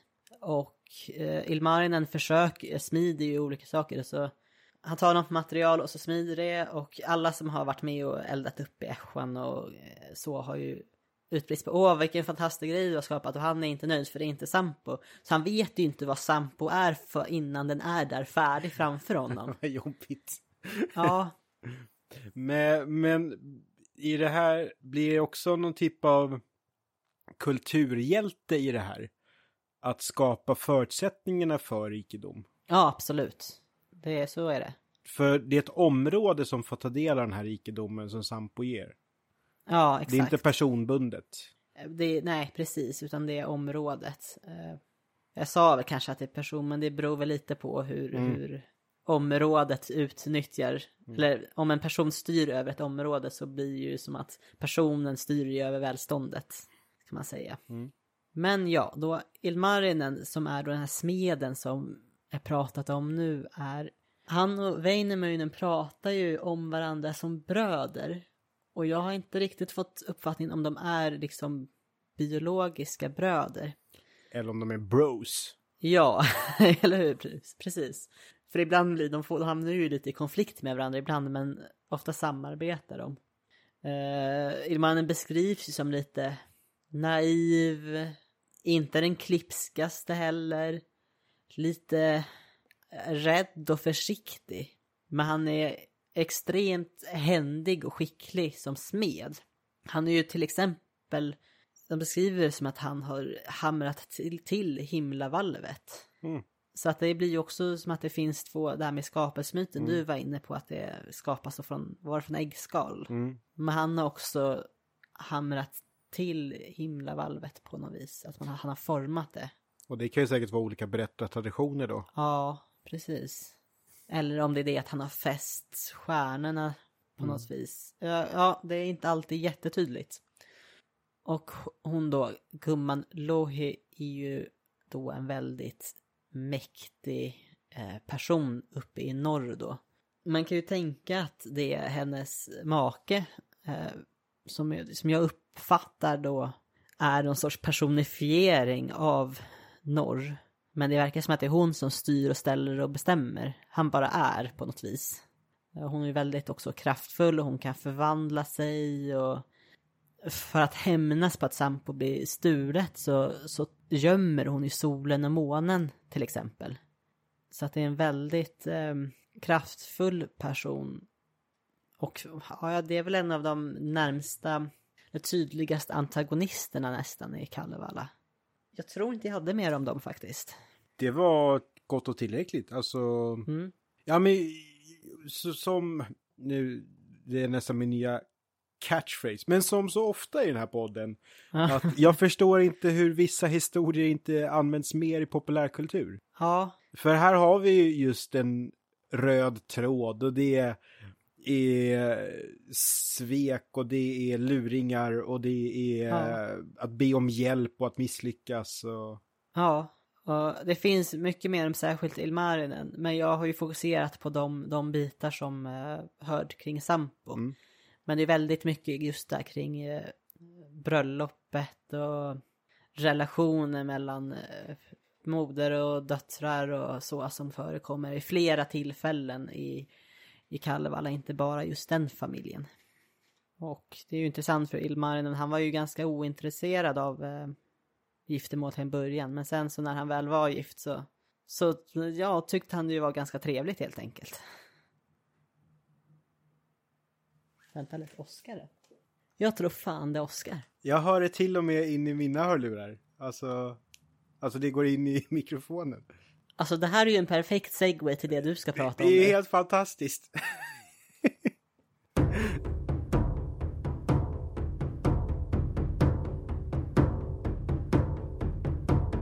Nej men för då ska vi ju vår vana trogen att jag ska prata om min andra grej och jag är ju en oerhört mogen person och brukar inte vara barnslig och sådär och Förlåt. Hörru. Ja, ja. Men jag funderar i alla fall. Vad i det finska mytologiska skulle jag vilja prata om? Och så kom jag i alla fall på att Perkele är ju ett koncept. Och Perkele har jag sett beskrivet som the most powerful curse word known to mankind. Eh, det mest kraftfulla svordomen känd för mänskligheten. Det är ju då en finsk fordon, svor, svordom, men det kommer från fordom. och eh, det, att det blir en svordom. Jävligt hårt bilmärke om de skulle... Jag tyckte du sa fordon. Ja, det kanske jag också råkade säga, men fordom. eh, men eh, Perkele i svordomens värld är att det är typ som djävul eller onda demon. Men det kommer ju från en förkristen gestalt. Och eh, man brukar kalla Perkele för en åskgud i den finska mytologin. Och eh, att han målas upp som åskgud tror jag mycket har med jämförande mytologi att göra. För det finns massor med åskgudar med liknande namn. Och det som är intressant tycker jag i sammanhanget är att det inte är finsk-ugriska namn man räknar upp med det här, utan nu kommer plötsligt indoeuropeiskt. Och finska språket är ju inte ett indoeuropeiskt språk, utan ett finsk-ugriskt språk, men Perkele kopplas i alla fall ihop med vad i e-, indoeuropeiskan ska vara perkonos. Och det finns Perkonas i Litauen och det finns eh, Piarun i Belarus, Pekko och Pekkaloso i Estland, Perjanai, Perjania.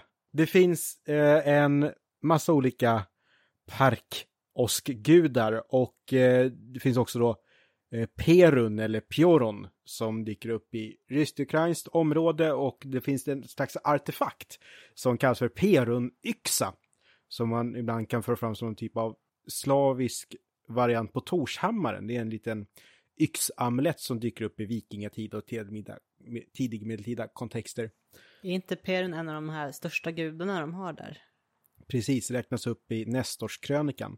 Mm. Så det är jätteintressant om då Perkele har med det här, men jag bara flika in att det var någon arkeolog som kom på efter ett tag att de här peronyxorna hittas framförallt i kristna kontexter. Är det då verkligen rimligt att det skulle vara Peruns vapen? Ja, ja, det är någonting för ett annat avsnitt. Mm. Eh, men hur som helst, jag tänkte att Perkele skulle vara jättekul att prata om. Men sen så hittade jag inte så mycket om Perkele, förutom just att det är en svordom och att det också är en gud och ett namn på demoner. Jag tror att i finska bibelsammanhang så tror jag att man använder Perkele för djävulen. Rätta mig om jag har fel. Men när det tog stopp där tänkte jag istället titta på Ukko, som jag nämnde tidigare. Och Ukko är Kalevallas gud eller himmelsgud och han kan kallas för Ukko Jomale, eller Jomala. Och Jomala betyder typ himmelsgud i lite mer bredare begrepp så jag förstår det. Och att vara en himmelsgud känns ju rimligt för en åskgud och då är ju han som samlar molnen, det är han som gör att det blixtrar och dundrar. Där tycker jag att det är intressant att han inte målas upp som en fruktbarhetsgud för det, utan han är en åskgud. Men jag har inte sett honom beskriven som en fruktbarhetsgud. Kan du känna igen det, Li? Nej. Eh, för annars är det så att man gärna ser den som gör att det regnar är den som gör att det gror på åken och så börjar man kalla honom för fruktbarhetsgud. Så jag tycker just det här vi har börjat problematisera just hur olika termer används som man köper in så mycket i det. Så här har man faktiskt undvikit att använda någon typ av kategori på Ukko och det tycker jag är bra för honom. Men sen blev det återigen ett problem med källor tyckte jag. För jag märker inte av Ukko så mycket i Kallevalla. Och jag lyckas inte riktigt komma åt honom i andra källor heller. Utan som jag sa här i skapelsemyten, hur Ilmatar hon åberopar Ukko när hon vill bli gravid. Men han kommer inte då, utan det är med att hon gör det här utropet och ingenting händer. I alla fall på ett tag. Hur märkte du av Ukko i resten av boken? han åberopas ju vid ett par tillfällen fram. Och det vid något tillfälle så er, beskrivs ju också hans reaktion på någonting. Det var just det här med när solen och månen hade försvunnit. Så han, jag minns inte om han åberopades då, men då fick man också liksom uppfatta lite av hans perspektiv och tanken, ja men nu mm. ska jag fixa det här, att göra någon sorts eld för att ersätta solen. Nu ska vi se. Ja, det står så här i sammanfattningen. Överguden Ukko förvånar sig över mörkret och slår eld för att tända en ny måne och en ny sol. Elden faller ner på jorden och Väinämöinen går tillsammans med Ilmarinen för att leta reda på den. Trots att Ukko, jag upplever att han, det är ett av de namn som näst efter Väinämöinen och Ilmarinen säger jag, men det låter lite svennigt. Men mm. eh, de är de som nämns mest. Men Ukko, han är ju med på så här topp fem av vad som nämns i finsk mytologi. Men ändå så är han kanske inte så framträdande i de lättillgängliga källorna. Han kan absolut dyka upp i många andra sammanhang. Eh, som jag inte har hittat just nu. Och i och med att det finns så mycket eh, sekundärkällor som nämner honom så tänker jag att han borde ju finnas här och där. Men han ska i alla fall ha någon typ av vapen. Det ska vara en klubba som kan vara guldig. Eh, och den använder han då när han ska störa Lee som sitter där i sin studio och tittar och ser om blixtrarna och åskan kommer närmare. Det ljusnar till så det är ju blixtar här och här just nu. Alltså, jag hinner aldrig se blixten men det så blinkar till. ja, jag tycker det här... Du, du går verkligen all in för avsnittet måste jag säga. Att du anpassar vädret så här runt dig. Åkallar Ukko. Ja. Ukko. Så jag förstår det så finns det istället andra närliggande som har andra åskgudar med snarlika namn. Och i det samiska materialet då finns Asheke och Ashkegas. Och jag tror att eh, är från Arjeplogområdet, att det namnet används där för åskguden. Så det skulle då kunna vara en koppling mellan det finska området och det samiska området. Men mer sydsamiskt område, där kallar man istället åskguden för Horkalles, eller eh, Horgalles. Vilket då skulle vara ett låneord från Torkarl och då är det ju då Osk-Tor som gör sig Mm. påminn. Men att man då kanske mer lånat in själva namnet istället. Och som sagt, det, det verkar Ja, när vi är inne på Tor. Eh, ja, min, min bror pratade med mig häromdagen och vi, han, han läste en av mina böcker om mytologi. Och då var det en liten ruta och då hade de skrivit en liten text om Tor och beskrivit honom som dunderguden istället för åskguden. Och då blev han nyfiken på, är det här någon översättningsförvirring? Att man skriver dunder istället för thunder? Eller är Är det en ordvits? Ja, ja, ja, jag blev lite, fun- vi blev lite fundersamma på det där. Du som har läst lite om, Jag skulle säga att alltså Dunderguden är ett fantastiskt, det är, för mig är det en toppen ordvits. mm, För, för han är ju dundraren. Och det märks ju inte av så mycket i Tor som Tor. Däremot språkhistoriskt så heter ju Tor Donnar. Och Ja. det är ju, där har vi dundraren. Eh, Alltså Ja. det är mer besläktat så. Och eh, på tyska heter det fortfarande Donnersvetter i oväder. mm, Eh, Medan på modernare svenska så kan man säga Tordön om eh, Tordån. Om eh, åskan i alla fall. jag tänker, säger man inte åskdunder om själva ljudet Jo, det kan vi göra. också? Ja, men det var bara så här att nu, alltså snabb association när vi ändå var inne på Tor, att just det där pratar vi om. Men, men på det spåret att eh, Perkele kan ju betyda då den som slår eller ekträdet i någon översättning. Men Ukko, det kunde också ha någon sån koppling. För det finns en mer, ja, nu hittar jag inte det bara för det, men det ska finnas någon koppling till just osk och väder. Men annars så brukar man översätta Ukko med den äldre mannen. Och eh, hans fru är Akka, som väl ska vara den äldre kvinnan, så jag förstår det. Så de har ju ett sånt gudomligt par. Men ändå, likheterna mellan Ukko och Tor är väl intressanta. Och återigen så tror jag att det är lite farligt att läsa in för mycket Tor i Ukko. Att man tar saker på köpet då. För åskegudar finns ju på andra ställen också. Alltså vi har ju Zeus och det är Indra är väl också någon typ av åskgud utan att de behöver vara besläktade rakt av för det. Och att de har hammare. Jag tänker att har någon sett en smed jobba så flyger det massa gnistor när de slår med hammaren. Mm. Lätt att koppla ihop saker, men jag försöker vara mer och mer försiktig med sånt. Om man söker på Perkele dyker upp ett klipp på YouTube med en man som, han är typ ute på finska landsbygden och så kommer en björn gående och han skriker Perkele och så går björnen iväg. Ja, det har jag nog sett. Med, med det sagt så, vi får se om det slutar åska hos dig när jag slutar prata om det här. Vad skönt att vi inte pratade om översvämningar. det regnar ju förvisso rätt mycket, men när man läser texten så får man liksom lite känsla om att Ukko har fått lite så här, vara lite mer som den enda guden. Det har jag sett på internet också, att eh, han kanske just eh, påverkas av en kristen världssyn. Mm. Och hans till... Det är svårt där, för Ukko Jomale finns som namnkombination. Men Jomale som himmelsgud finns också separat. Och det är, så här, är det här Ukko eller Jomale eller är de samma person? Men i finska bibelöversättningar tror jag att Jomale används för guden. Och jag tror att även andra religioners huvudgud på finska kallas för Jomale.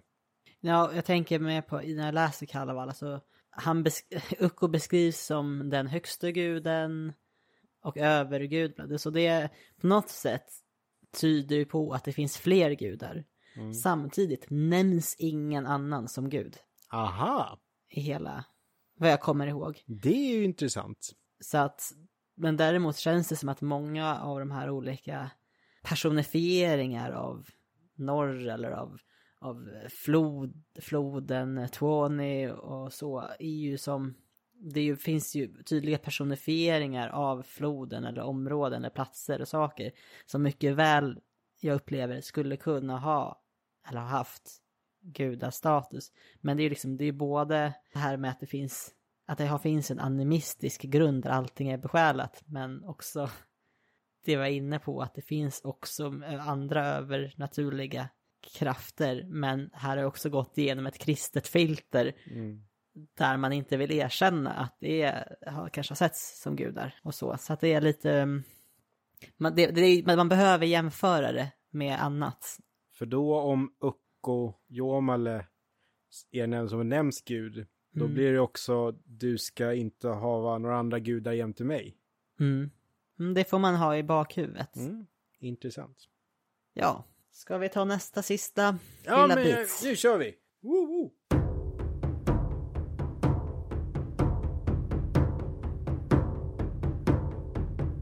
Och jag har valt nu, och där kommer en blixt.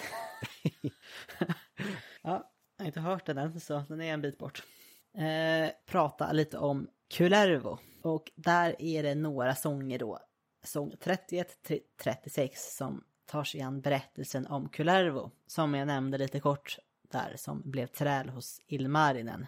Kullervos berättelse börjar med att det är konflikt mellan två bröder, Untamo och Kalervo. På grund av den här konflikten så förgör Untamo sin bror Kalervo och hans folk. Den enda som får överleva är Kalervos hustru. Hon är gravid. Hustrun får då följa hem till Untamo och där får hon göra trälarbete som att städa och så vidare. Där föder hon Kullervo, sin son. Kullervo visar ju väldigt tidigt redan som spädbarn att han visar tecken på att vilja hämnas sin far.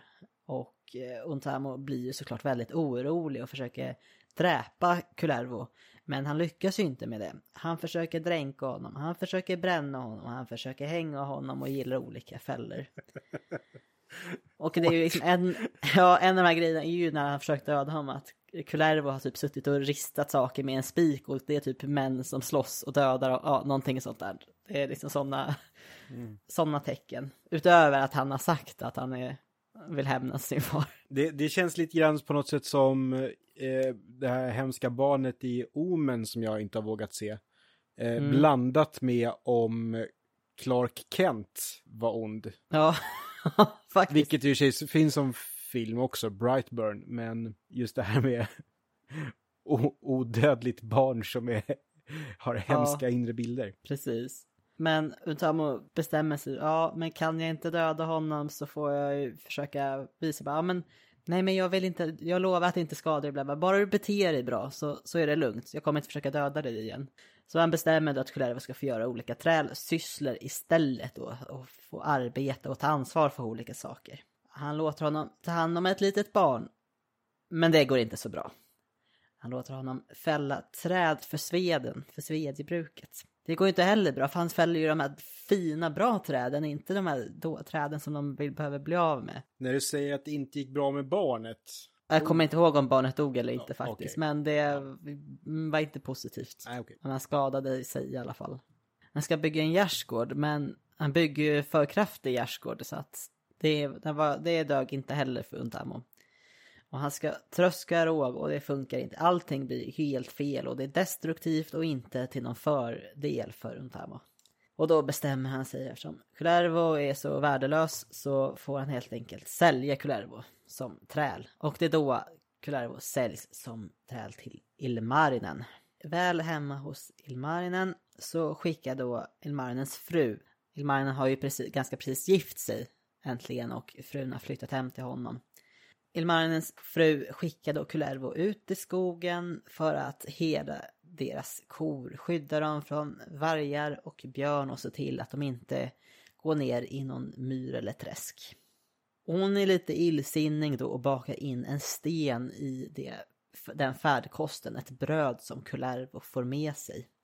När Kullervo ska skära upp brödet så går hans kniv sönder och den här kniven var det enda minnet han hade kvar av sin far, enda arvegodset. Så han blir ju förbannad och vill då hämnas på Ilmarinens fru. Han kör ner korna i ett skärr, stöter på ett gäng vargar och björnar som han då förvandlar till någon sorts koskepnad och leder istället hem dem till gården. Och då när husfrun då ska mjölka de här, för, eller de är inte förvandlade men de är åtminstone, det finns någon illusion som man inte ser att det är vargar och björnar. Så när de ska mjölka dem så då river och biter de ihjäl henne och Kullervo flyr därifrån. Ja, och han är då ute i vildmarken och får veta faktiskt att hans far, mor och syster och bror faktiskt lever. Och han hittar dem då på gränsen norrut till Lappland. Återförenad med sin familj får han veta att han har en till syster, en ehm, äldre dotter då som är försvunnen. Hon försvann när hon skulle ut i skogen och plocka bär, jag tror det var lingon. Hemma så får han då uträtta massa sysslor, nya saker, de vill att han ska hjälpa till. Och han är ju värdelös på allt han, han, är ju, han har ju övermänsklig styrka så oftast tar han ju för mycket än vad sysslan kräver. Det är ju ofta det som eh, skälper för honom. Till slut då skickar de honom för att han ska betala skatten till den här uppbördsorten som gården ska betala.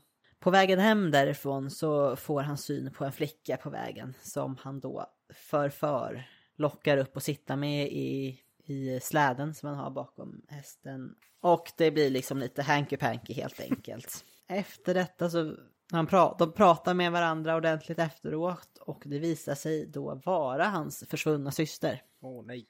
När det då uppdagas att de är syskon så tar hon livet av sig genom att kasta sig ner i älven som ligger precis intill.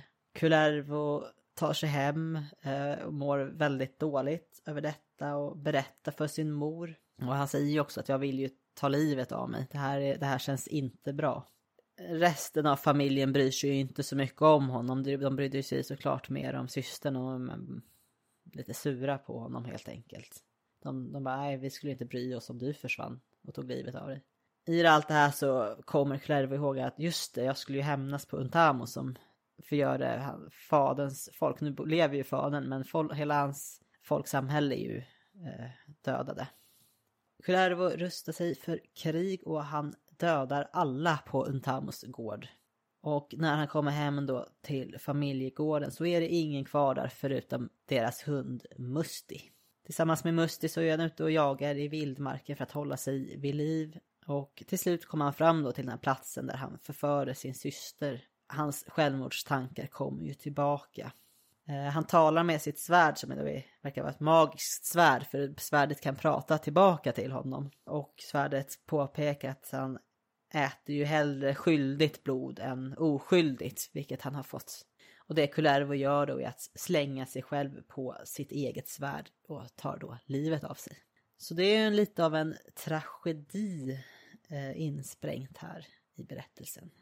En väldigt otursförföljd pojke detta. Ja, nej, jag satt här och lyssnade och kände att det var en historia som man ändå kunde känna igen. Det är eh, den föräldralösa hjälten och utvecklas och någon typ av framgång. Men sen så gick det verkligen ut för. Ja. Vet man vad som hände med hunden? Uh, nej, nej, det vet man inte. Mm. Inte, den berätt inte vad som står i boken i alla fall.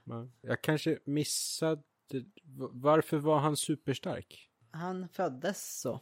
För familjen var inte superstark, för han... Nej. För hon, systern dog ju av att slängas ut för ett stup och det känns som att det hade han ju klarat. Jag tänkte någon, så här, någon Achilles-grej att de skulle ha doppat honom i något speciellt vatten eller sådär. Kullervos pappa då, Kalervo och brodern Untamo har vid något tillfälle varit fåglar som fl flugit till olika, olika ställen. Den ena var ju bosatt i Karelen och den andra i Ryssland. Och en var kvar. Den i Kale Karelen äh, var ju Kaler Kalervo. Den som stannade kvar var Untamo. Äh, men det, det, det är så det börjar, att en husmor skickar iväg några fåglar och det blev dem. Så de, jag är inte helt säker på att de är helt människor heller. Så det kan ha med det att göra. Men det, ja, det är ju inte tydligt om man kanske inte har andra källor på det också, fler mm. versioner. Men någon som tyckte det här var en väldigt spännande berättelse var J.R.R. Tolkien. Vem är det? Ja. oh, nu blockade du mig vet, på Facebook. Vet, ja. vet man inte det så får man nog googla. Det finns ju två aspekter av det här. Då delvis så skrev då Tolkien en egen version av den här berättelsen om Kullervo. Och den finns då publicerad som The Story of Kullervo. Och han har även inspirerats av den här berättelsen Eh, i en av sina karaktärer från Middle-earth-bygget. Och det publicerades först i The Silmarillion, berättelsen om Turin, Turambar. Det har också kommit utgivet som en egen bok som heter Children of Hurin. Och så finns det, det finns olika versioner publicerade i andra böcker också, men det är de två mest lättillgängliga. Vill man läsa det som en, en roman så är det lättast att läsa Children of Hurin. Och det handlar då om Turin Turambar. Han är då en väldigt otursförföljd för att hans far Hurin som är tillfångatagen av Morgoth har ju då fått en förbannelse över hela sin familj. Och Turin Turambar vandrar då i skogen i det vilda, precis som Kullervo gör bitvis. Eh, gemensamt är att det, spoiler alert, eh, blir också en incest eh, situation då med systern. Eh, och ingen av dem vet med att det är den andra, för Turin har ju skickades hemifrån som väldigt ung, så han har aldrig träffat sin syster när hon växte upp. Eh, och systern har då träffat på en drake eh, som då har, har förtrollat henne så hon inte har några minnen. Så naturen introducerar sig för henne, så hon vet ju inte vad hon själv heter och hon känner ju inte igen hans namn. Så där blir det ju, får ju de, de får ju ett förhållande och sen när då Turin dräper draken så återfår hon nu minnet och inser att mm, jag är gravid med min brors barn och kastar sig i älven och tar livet av sig. Turin har ju också ett magiskt svärd som talar till honom och han får ju också reda då på så småningom att det är hans syster då som har tagit livet av sig. Och han tar ju också livet av sig med hjälp av sitt eget svärd. Så Tolkiens version av, eller berättelsen i Midgård då är ju delvis inspirerad av den här, berätt, den här sångerna om Kullervo men också av Völsungasagan och Sigurd Fafnes bane med sättet man dräper draken och så. Mm. Ja, och återigen, sen nu har till och med då Tolkien gjort en version på det här att återigen, det säger jag också hela tiden. Jag säger det återigen. Men eh, varför det inte finns på film? Bra story, trots tra tragiken. Ja. Tolkien har till och med omarbeten säkert så att det skulle kunna vara ännu lättillgängligare. Men då på temat dra in återkommande spår så tycker jag att det är lite Luke Skywalker-vibbar över det hela också. Och föräldralösa gossen har en mystisk kraft och pappa mm. är död och träffar en tjej som han pussar. Och sen så, mm. nej, pappa var inte död, utan det, han levde visst. Och så var det tydligen min syster jag hade pussat. Alltså, vissa sådana här berättargrejer. Nu säger jag inte att Star Wars bygger på Kalevala, mm. men ändå vissa bra stories dyker upp i så många olika sammanhang också. Verkligen. Och jag hade tänkt, ja, jag hade någon Star Wars-grej med att tappa den. Och sen så är det väl, eh, ja med hela Oidipus-köret också. Då det trodde var, för, var föräldralös, råkar flörta in sig i sin egen familj. Mm. Eh, och alla dör. Ja, det ligger ju nära till. Det är ju verkligen äh, tragik. Vad, vad annorlunda psykologivärlden hade sett ut om eh, finsk mytologi hade varit mer känd än grekisk. Ja, det hade det. Vad var den hette sa du? Kullervo. Tänk om vi hade haft Kullervo-komplex istället för Ja. Oidipus-komplex. Ja, hade ju lika gärna kunnat varit det nästan. Mm. Men med tanke på att vi ville prata lite allmänt om finsk-ugriska myter också, så du var ju, tittade ju lite på med Estland. Ja, eller jag försökte titta lite på Estland och kom väl inte så jättelångt i det. Nej, men Estland de har ju ett eget nationalepos som heter Kalevi Poeg. Det, Kalevi Poeg är ju då Kalevs son och det är namngivet efter huvudpersonen i, i det eposet. Och den personen har ju väldigt stort, mycket likheter med Curervo. Det är ju inget exakt likhetstecken men man kan ju se att bitar av personen som framställs där har ju ett gemensamt sångursprung. Och i den här eh, estländska eposet så finns det också geme- många gemensamma nämner med andra germanska hjältemyter. Och det var en eh, person som hette Fredrik Reinhold Kreutzwald som skrev ihop det här på 1800-talet baserat på samlat material av hans vän Fredrik Robert Felman. Och det var också lite inspirerat av det eh, Lönnroth hade gjort med Kalevala. Men det var ju lite den tidens anda på något sätt, att man skulle skapa de här eh, nationalistiska tiderna, att man skulle ha de här verken som skulle vara någon sorts ursprung för sitt lands identitet. Eh, Den här Kale- Kalevs son då i den myten ska, jag tror det slutar med att han ska vara någon sorts kung över det relevanta området.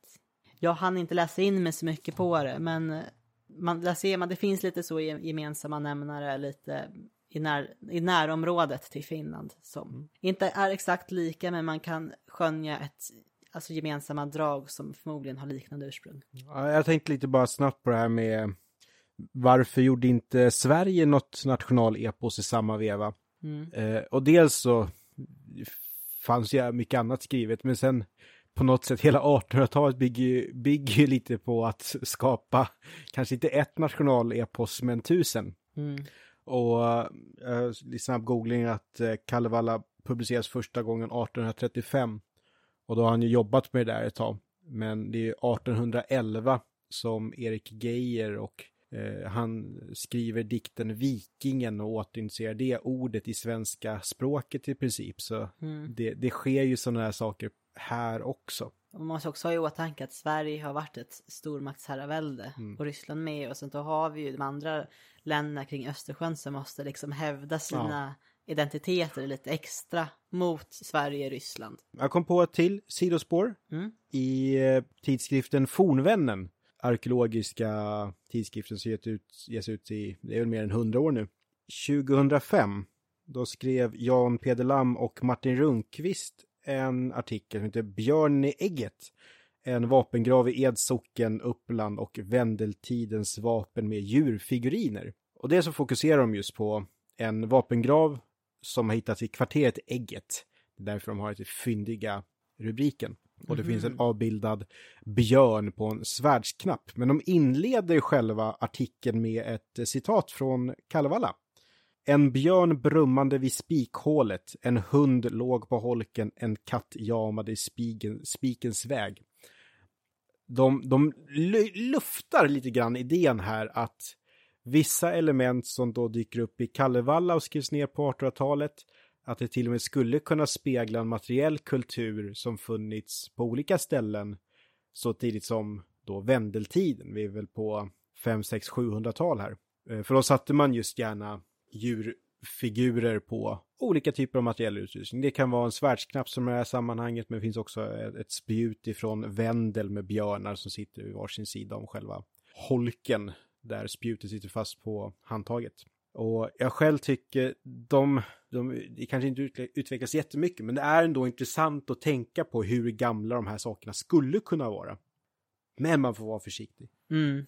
Det skulle jag ju kunna sitta och säga på varenda myt vi berättar om i den här podden. Ja, så är det verkligen. Men som sagt, i det här avsnittet vi riktar oss lite mer på en specifik mytologikrets. Lite mer källanknutet. Så det är väl därför jag tjatar mer om det, eller vi tjatar mer om det just den här gången. Jag tycker det är bra för oss att också tagit, tagit oss igenom Kalevala alltså som någon bas. För att jag tänker att det finns säkert mycket vi kan fördjupa oss i här framöver. K- Bara så här, nu, nu sätter jag dig lite på pottan, du får klippa det här om det inte går. Men Mm. känner du redan så här, det här gav mig en idé till ett eventuellt ämne? Är det någon, något typ av koncept du känner skulle vara kul att utveckla redan nu? Jag, vet, jag, jag tänkte ju på något medan jag läste det, men nu har jag tappat det. Du vill inte spoila någonting som kommer i framtiden helt Nej. enkelt. Kanske inte. Om du istället skulle inför sommaren tipsa våra lyssnare om en mytologisk källtext att läsa. Skulle du säga Kalevala, Eddan eller Homeros? Jag tror Kalevala är den som är lättast att läsa. Eh, men jag skulle rekommendera alla. Okej. Så är det. Nej, för jag tror också, jag skulle kunna rekommendera Tolkiens The Story of Kullervo också som en ensamstående berättelse. Man behöver inte vara Tolkien-kännare och man behöver inte heller läsa alltså kommentarerna som upptar halva boken. Det är mest för fördjupning. Men alltså jag tycker, har man inte läst Snorres Edda, tycker jag man kan läsa den. Den är, väl, den är ju också rätt läst, lättläst. Ja, Snorres är det enklare. Alltså, den är ju, det är ju tre stora tjocka avsnitt och framförallt Skallskaparmaul Mm. eh, är ju seg. Men det är en röd tråd och berättelse på ett annat sätt. Ja, det har du rätt. Jag glömde bort den faktiskt. Och jag tänker Iliaden och Odysseen är de flesta ganska allmänbildade på generellt. Men jag tänker för Nord, alltså allmänbilda sig för, för Norden så tycker jag att det kanske man behöver anstränga sig mer och, ta, och faktiskt läsa bitar ur Kalevala i alla fall. Bara för sin egna all, allmän, allmänbildnings skull. Jag kan säga, ja, jag, jag, nu känns det som att jag släpper en bomb, men jag har försökt läsa Iliaden så många gånger. Men den där hexametern i översättning, jag pallar inte. Den är jobbig att läsa tycker jag. Jag försökte för, för oj ja, hur många år sedan kan det vara? Byter du dialekter? Fick jag? ja men det var ju över, ja det kan ha varit 15 år sedan kanske. Mm. Jag var runt 15, så ehm, det gick inte då. Nej. Eh, sen dess har jag inte försökt det igen. Men jag har ju boken. så det, är- det, det är nästa, nästa sån, såna fet, tjocka verk som jag ska ta mig igenom. Men på temat verk, jag, vi snackar ju om Tolkien och grejer här, men jag började fundera på om det fanns någon bra film på det här spåret i finsk-ugriska och jag kommer bara på en film som typ knyts an till det här. Eh, film, en film från 1987 som på norska heter Veiviseren eller Vägvisaren. På samisk, samiska heter den Offelas. Och det är ju då en film som utspelar sig i någon typ av tidig medeltid ur ett samiskt perspektiv. De tar ju upp lite samisk eh, tro och omvärldssyn. Men jag är inte så påläst så jag vet exakt vad det bygger på. Men eh, det finns lite övernaturligt i den. Det är också förlagan till den hemska filmen Pathfinder. Mm. Eh, amerikansk film med oerhörda mängder med vikingar med horn. Och det är alltså inte det värsta med den utan det är, ja, det är en rörig film. Vejvisaren, den gillar jag. Ja, jag känner inte alls till den. Spännande. Eh, Oscars-nominerad för bästa utländska film blev den. Okej. Eh, jag vill också bara flagga för att i vår, på vår hemsida där vi har vårt bibliotek där vi har lite referenser som vi använt. Jag kommer lägga in tips på om man är mer akademiskt lagd och vill veta mer om finsk-ugrisk myttradition så kommer jag lägga en länk till ett, en, en publicerad skrift som heter Mythic Discourses Studies in Uralic Traditions. Och där fanns det många kapitel om gudar, sampo, olika mönster inom myterna och genus och så vidare. Jag har inte hunnit läsa allt men det jag har hunnit skumma var väldigt givande och belyser hur brett fält det är vi rör oss i egentligen. Mm. Så det, jag, jag fixar en länk till det där på vår hemsida. Cool. Hur går det med åskan? Det har nog slutat nu. Ja. Det blinkar till på ett tag. Nej. Så det här var vårt första lyssnarvalda avsnitt. Hoppas att alla är, är nöjda som var intresserade av det här. Det fanns ju mycket, och vi måste ju tyvärr göra urval. Och det är ju liksom också i mån av den tid vi har. Vi vill ju hålla det så kort som möjligt. Ja, och vi, det, vi är inte bra på det. Nej. När jag hade en boktitel, jag tänkte ja men den här kommer jag kunna hitta jättebra om, om grejer. Eh, som heter Seid och Saga, men jag har inte hunnit läsa en enda sida av den för jag har bara läst Kalevala de senaste fyra veckorna. I den finns det massa, massa referenser till Kalevala och förfinsk diktning, så det är kanske också ett bra tips. Jag vet inte eftersom jag inte hunnit läsa den, men den boken finns. Teoretiskt sett så är det ett bra tips. Ja, för jag tror det handlar mycket om... eh, Ja, men det, det handlar om, om förfinsk diktning och gr- gråt, så kallad gråtkvädespoesi, Kalevala diktning. Gråtkvädespoesi låter som någonting man lyssnar på när man är tonåring. Runodiktning och medeltidens runodikt. Så att det, det, här kan vi säkert få lite uppgifter. Jaha, där kom en blixt till. Om de källor som inte är just Kalevala också. Men det visar sig om man läser den. Den finska forndiktens historia i underrubriken. Kan ju bara nu när jag sagt rundiktning ett gäng gånger att jag är inte helt hundra på om run, alltså själva ordet run har någonting med runorna som ristats att göra. Ru, runodiktning heter det. För runa betyder ju viskning och hemlighet. Eh, Jag tänkte om det skulle vara ett låneord, men det kan ju bara vara att jag är skandinacentrisk och vill läsa in det i finska ord som kanske inte har med varandra att göra. Men bara så att det är sagt. Men på det spåret också att det finns ju så oerhört mycket böcker om norrön mytologi och grekisk mytologi. Och eh, det är ju inte samma bredd i tillgängligt material om det finska. Å andra sidan när jag sitter här då med mitt uppslagsverk om mytologi så har finsk mytologi ett större kapitel än Afrika som inte är Egypten. Det finns ju en obalans i så många olika mytologier.